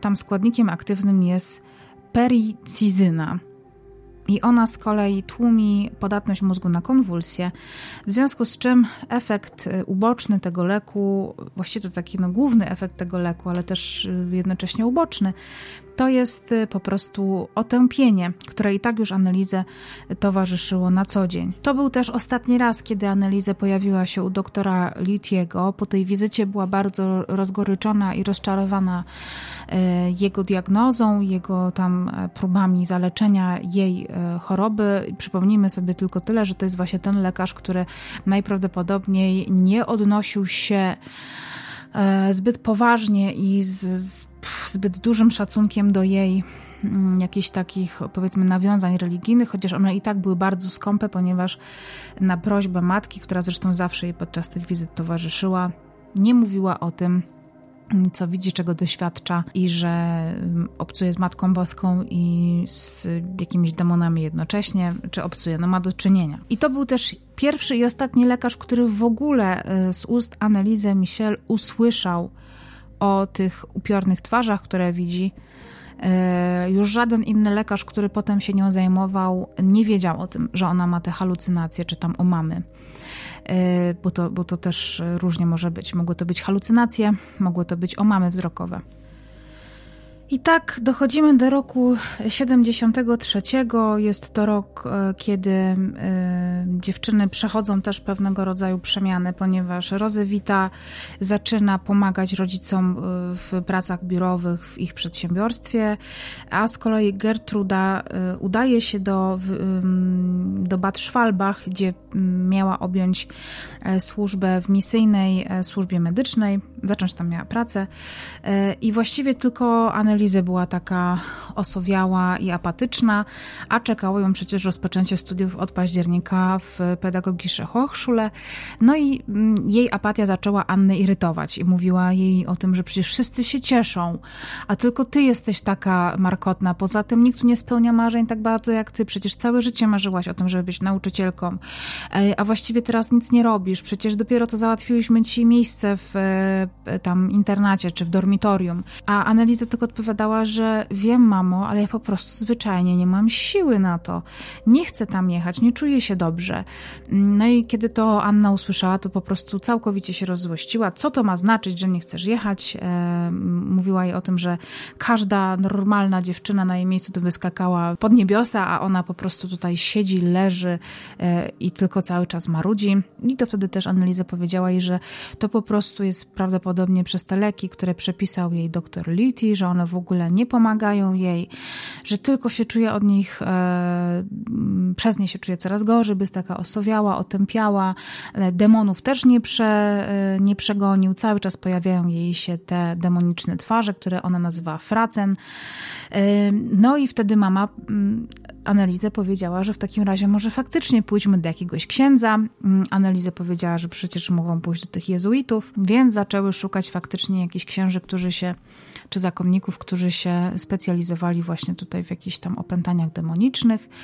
E, w związku z czym wpadło takie nazwisko ojca Hermana, który też między innymi jeździł z pielgrzymkami do tego słynnego San Damiano, w którym Anneliza tak się dziwnie zachowywała. No ale wtedy znowu pojawiła się na drodze Annelizę e, pani Thea Hein, czyli pani, czyli Frau Hein, nie będę mówiła pani Frau Hein, no i ona się bardzo zaangażowała w to, żeby pomóc e, Annelizę. Już właściwie miała na jej temat wyrobione zdanie. Wiedziała, że coś jest nie tak z tą dziewczyną i że najprawdopodobniej jest to sprawka jakichś nieczystych sił. E, napisała do ojca Habigera, który zajmował się egzorcyzmami i on poprosił właśnie Frau Hein o to, żeby mu nakreśliła taki jakby rys Annelizę. Mm, I tutaj ojciec Habiger w swoim pamiętniku zapisał sobie, któregoś dnia latem 1973 roku, nie jestem już pewien dokładnej daty, Michelowie wraz ze swoją córką Annelizę przyjechali z Klingenbergu na plebanie, żeby poprosić mnie o radę. Wydaje mi się, że przysłała ich do mnie Frau Hein z Ebersbachu. W trakcie krótkiej rozmowy, w której udział brał także ojciec Roth, młody ksiądz z mojej parafii, Michelowie powiedzieli mi, że ich córka Annelize od jakiegoś czasu ma problemy, które mogą wskazywać, że jest opętana. Wspomnieli na przykład o pielgrzymce do San Damiano, podczas której rozerwała różaniec. Przy okazji tej wizyty rozmawiałem także z samą Fräulein Michel i odniosłem wrażenie, że to całkowicie normalna młoda dziewczyna. W rozmowie cokolwiek powściągliwa i nieśmiała. Nie widziałem nic, co wskazywałoby na opętanie. Podsumowując tę rozmowę, doradziłem Michelom, by zabrali córkę na badanie lekarskie. Ale kiedy Annelize i Anna usłyszały znowu, że mają iść do lekarza, y, Annelize powiedziała, że nie będzie przez to znów y, przechodzić, że lekarstwa jej nic nie pomagają, że nie przepędzają żadnych demonów. Dlaczego znowu kolejny y, jakiś lek ma jej pomóc? No, Anna tutaj zachowała zdrowy rozsądek, powiedziała, że może po prostu to lekarz się mylił, może przepisze jakiś inny lek. Ale Annelize była bardzo niepocieszona, więc powiedziała o swoich wrażeniach Frau Hein, która z kolei posłała je do księdza Adolfa Rodewyka, który był jezuitą, a podobno przecież Liti, który się do tego nigdy nie przyznał. I tutaj też sąd e, po latach dał mu wiarę, że nie wierzy w to, żeby ksiądz ateista e, polecił jezuitów. Być może zrobił to w jakimś takim sarkastycznym żarcie, czy tam ironicznym żarcie. Mm, ale na pewno to nie była jakaś diagnoza lekarska, bo to po prostu się wykluczało. E, no, ale ksiądz Rodewyk, e, czy tam ojciec Rodewyk był jezuitą, w związku z czym e, to przemówiło trochę do analizy, no i postanowiły się do tego księdza wybrać. Tym bardziej, że specjalizował się właśnie w opętaniach. I ksiądz Rodewyk tak to wspomina. Na podstawie opisu Frau Hein Odpowiedziałem, że w tym, co napisała, w istocie dostrzegam pewne wskazówki, że dziewczyna była opętana. Niemniej jednak, biorąc pod uwagę dużą odległość pomiędzy Frankfurtem a Klingenbergiem oraz mój zaawansowany wiek, bo urodziłem się w 1894 roku, nie byłem w stanie zająć się tą sprawą. W związku z czym Ksiądz Rodewyk nie pozostawił y, Frau Hein samej. Y, polecił jej, żeby skontaktowała się z ojcem Hermanem z Aschaffenburga. Ten z kolei był na emeryturze, miał też więcej czasu, był też proboszczem i to w dodatku w, parafii Matki Boskiej, więc to wszystko znowu pasowało zarówno tej Hein oraz um, Annelizę. I to poskutkowało tym, że y, od tamtego czasu i w latach od 73 do 75 roku spotkał się z analizę y, ponad 10 razy. I mówił tak, tak wspominał te spotkania z Anelizę. Zwykle przez pół godziny do godziny rozmawialiśmy o jej problemie. Była miłą, młodą dziewczyną, wyraźnie z głęboko religijnego domu. Skarżyła się, że nie jest już sobą. Nie jestem już własnym ego. Czasami widywała zniekształcone twarze, fracen, których nie była w stanie szczegółowo opisać. Zasugerowałem wizytę u neurologa. Powiedziała mi, że chodziła do doktora Litiego, ale on też nie był w stanie jej pomóc. Od jej rodziców dowiedziałem się, że przy tych okazjach, gdy doświadczała niechęci wobec świętych przedmiotów w pomieszczeniu, w którym przebywała, czuć było woń ekskrementów albo czegoś spalonego. Niemniej jednak w moim mieszkaniu nigdy do czegoś takiego nie doszło, pomimo że dość często zmawiałem z nią różaniec. W tych sytuacjach zawsze zachowywała się spokojnie i nabożnie i nie było śladów podobnych zachowań. O Anelizę zrobiło się głośno e, w kręgach e, kościelnych, szczególnie wśród duchownych. E, I tak właśnie o Anelizę usłyszał ksiądz, e, właśnie to ojciec Rot, który był przyjacielem e, ojca Alta i to właśnie Ernst Alt oraz ksiądz Rot, e, którzy byli zafascynowani właśnie też e, taką postacią diabła fizyczną, taka, która się manifestowała w innych ludziach, albo lubiła się w ogóle manifestować, postanowili przyjrzeć się e, sprawie analizy Michel. No i tutaj tylko szybko powiem, kim był ksiądz Ernst Alt.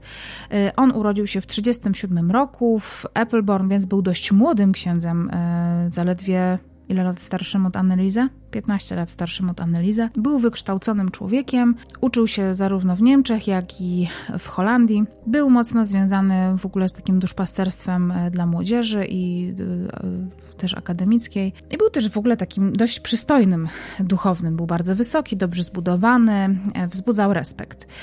Opisywali go wszyscy, którzy mieli z nim do czynienia w ten sposób. W kontakcie osobistym jest uprzejmy, o znakomitych manierach, skłonny do zadumy. Starannie formułuje wypowiedzi, które robią wrażenie i są przekonujące. Jest elokwentny, bardzo analityczny oraz ma bardzo bogate słownictwo zdradzające edukację i upodobanie do lektury. Jego formalne procesy myślowe są całkowicie spokojne, nawet w przypadku przedłużającego się przesłuchania. Chciałam to sobie zostawić e, ten wątek na sam koniec właściwie, ale chyba nie będę w stanie tej historii opowiedzieć inaczej, jeżeli będę tutaj musiała lawirować tak, żeby nie zaspoilować pewnej rzeczy bardzo ważnej, więc po prostu powiem ją teraz. W momencie, w którym ksiądz Alt zaczął zajmować się przypadkiem analizę, okazało się, że mimo, że ksiądz Alt sprawiał wrażenie bardzo ułożonego, bardzo elokwentnego, wykształconego człowieka, to jednak e, we wszystkich badaniach psychiatrycznych e, wychodziły jego anormalności. I tutaj cytat. W przypadku ojca Alta mamy do czynienia z anormalną osobowością w najszerszym znaczeniu tego terminu. Część jego historii, jak ją przedstawił, wskazuje nawet na wystąpienie psychozy typu schizofrenicznego. Jakkolwiek wyników tych nie można interpretować jako wskazujących na objawy, które mogłyby potwierdzić tę diagnozę. W sensie psychiatrycznym ojca Alta należy uznać za anormalnego. Innymi słowy, człowiek zachowuje się całkowicie normalnie, nie możemy się w nim dopatrzyć absolutnie niczego złego, ale nadal jest chory psychicznie, bo ma schizofrenię. Niestety nie możemy udowodnić, że cierpi na nią teraz, ale przynajmniej jesteśmy pewni, że zdarzało mu się to w przeszłości. Jego wizje, które opisuje w swoim scenicznym i obrazowym charakterze, nie są takie, jakich można by się spodziewać na przykład w przypadku psychozy schizofrenicznej. Należy je traktować raczej jako pseudohalucynacje. Zmiany w jego percepcji węchowej i wizualnej, aromaty i odory, różnice w kolorach, o jakich mówił, również określają jako zwykłe pseudohalucynacje. Tu mowa o ekspertach. Nie jest to więc objaw psychotyczny i chorobowy. Jakie doświadczenie tego człowieka sprawiło, że psychiatrzy tak, e, w tak szczególny sposób zmienili stanowisko? By odpowiedzieć na to pytanie, musimy cofnąć się do września 73 roku, gdy ojciec Alt po raz pierwszy usłyszał o przypadku Annelize Michel. Rok później pisał o tym w liście, tutaj będzie częściowo ten list skrócony, do swojego przełożonego biskupa Józefa Sztagla z Wirsbyrga. Wielebny księże biskupie, po długim namyśle i oczywistym wahaniu chciałbym zaznajomić księdza biskupa z przypadkiem doradztwa duchowego, o którym wspomniałem księdzu krótko, gdy był u nas z wizytą. Chodzi o przypadek Analizy Michel z Klingenbergu. Postaram się przedstawić tę sprawę księdzu, biskupowi po kolei. Mój przyjaciel, ojciec Roth, przyszedł do mnie któregoś wieczoru i poprosił, bym pomógł jemu i jego kolegom księżom w sprawie doradztwa duchowego. Chodziło o dziewczynę Annelizę Michel, której jeszcze nie poznał. Według opinii pewnych osób była opętana, a przynajmniej nagabywana przez diabła. Ja miałem określić na podstawie oceny tego czegoś, czymkolwiek promieniowała, czy była chora, czy nie. Tutaj e, trzeba też wspomnieć, że ojciec Alt uważał, że ma takie mm, zdolności parapsychiczne, ponieważ e, uważał on, że ma takie zdolności jak e, telepatia, prekognicja, czyli był w stanie przeczuć, przewidzieć coś zanim się wydarzyło. I w związku z czym tutaj dalsza część tego listu do biskupa, nagle byłem w stanie opisać całą rodzinę, ojca, matkę, siostry, babcie, coś czego w żaden sposób nie mogłem wiedzieć, skoro nigdy ich nie widziałem. Później można to wszystko zweryfikować. Co do analizy, wyczułem potężne promieniowanie pochodzące z jej szyi, czy też raczej z jej tarczycy i głowy. Nie wykryłem żadnej choroby. To oczywiście nie pozwala na żadne wnioski co do tego, czy była opętana, czy nie. Dwa dni później odwiedził mnie znajomy ksiądz, ojciec Herman, który miał zamiar zająć się tą sprawą. Podał mi dwa listy, jeden napisany przez matkę Michel, drugi przez Anelizę. Nie byłem w stanie ich przeczytać, bo z nienacka dostałem takich mdłości, że sądziłem, że zemdleję. Doświadczyłem pobudzenia, jakie nigdy wcześniej mi się nie zdarzyło, co wyraźnie zaskoczyło i przestraszyło mojego kolegę księdza, który był tego świadkiem. Naturalnie nawet to doświadczenie oczywiście w żaden sposób nie dowodziło, że mieliśmy do czynienia z przypadkiem opętania. Tego wieczoru odprawiłem mszę. Przygotowywałem się psychicznie na przeistoczenie, czyli przemianę chleba i wina w ciało i krew Chrystusa, co także zawierało nieznaną jeszcze dziewczynę w ofierze. Nagle coś uderzyło mnie w plecy. Powietrze zrobiło się zimne i jednocześnie rozniósł się intensywny zapach spalenizny. Musiałem się oprzeć o ołtarz. Z wielkim wysiłkiem i musząc się bardzo koncentrować. Wyrecytowałem pozostałą część tekstu. Czułem się głęboko cierpiący, jakby otaczała mnie jakaś negatywna siła, która poza tym, że dokuczliwa, nie mogła wyrządzić prawdziwej krzywdy. Po mszy poszedłem do kolegi księdza i wszystko mu opowiedziałem spokojnie i szczegółowo. Następnej nocy nie zaznałem odpoczynku jak nigdy. Zażyłem bardzo skuteczną tabletkę nasenną, która dotąd zawsze mi pomagała, ale nie mogłem zasnąć. W moim mieszkaniu czuć było różne nieprzyjemne wonie, jakby coś się paliło, trochę jakby gnojówka, otwarty ściek, ekskrementy. Te wonie wciąż się zmieniały. Niezależnie od tego, czy sięgałem po różaniec, czy odmawiałem jakąś inną modlitwę, ciągle śmierdziało. To było dosłownie piekielne. W dodatku od czasu do czasu z mojej szafy dobiegał łomot. Leżałem w łóżku, czując okropny ucisk w piersi. Próbowałem się modlić. Własnymi słowami odmówiłem egzorcyzm, myśląc o mojej kapłańskiej mocy. Przez kilka minut było mi lżej ale jednocześnie czułem lodowate zimno i zalewał mnie pot. Ostatecznie zwróciłem się o pomoc do ojca Pio, bo wiedziałem, że doświadczył podobnych udręk.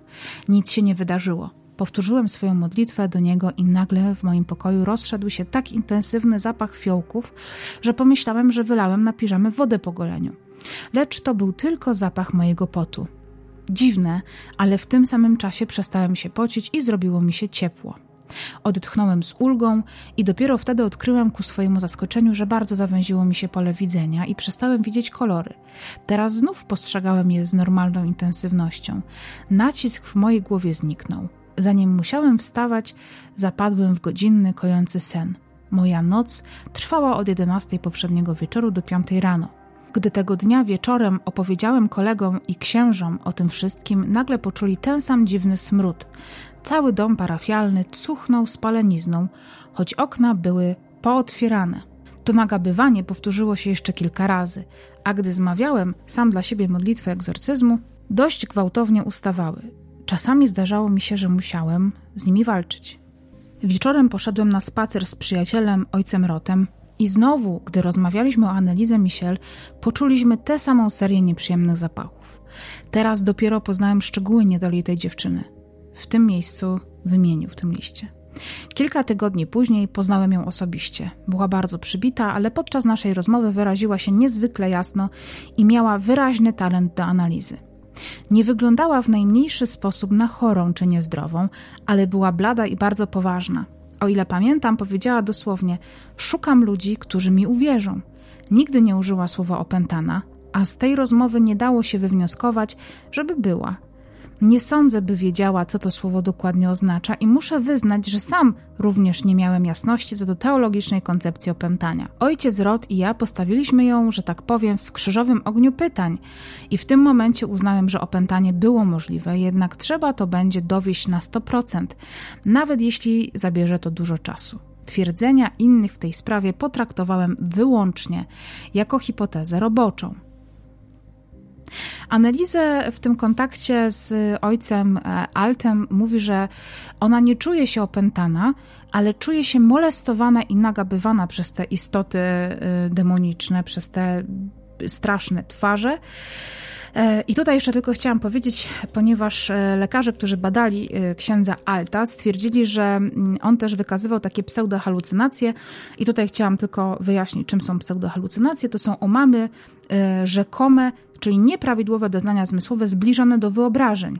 Zastanawiam się tylko, jaka jest różnica taka fizyczna pomiędzy pseudohalucynacją a, a taką sytuacją, w której ktoś ma omamy, czy tam ma jakieś halucynacje i nie ma pojęcia, że to, je, to nie jest rzeczywistość i, czymś, i czy właśnie mając takie pseudohalucynacje, to on ma takie poczucie, że to jest jakby Czasami mamy takie uczucie, że coś nam się śni i potem nie wiemy, czy to był sen, czy to była jawa, czy, czy to była rzeczywistość. Musimy się nad tym głębiej zastanowić. Więc zastanawiam się właśnie, jak to było ze świadomością. I to właśnie w tym momencie na dzisiaj kończymy tę historię jako pierwszą część um, smutnej historii analizy Michel. W momencie, w którym zostaje ona oddana w ręce egzorcysty o bardzo niejasnej e, historii zdrowia psychicznego z podejrzeniem schizofrenii paranoidalnej.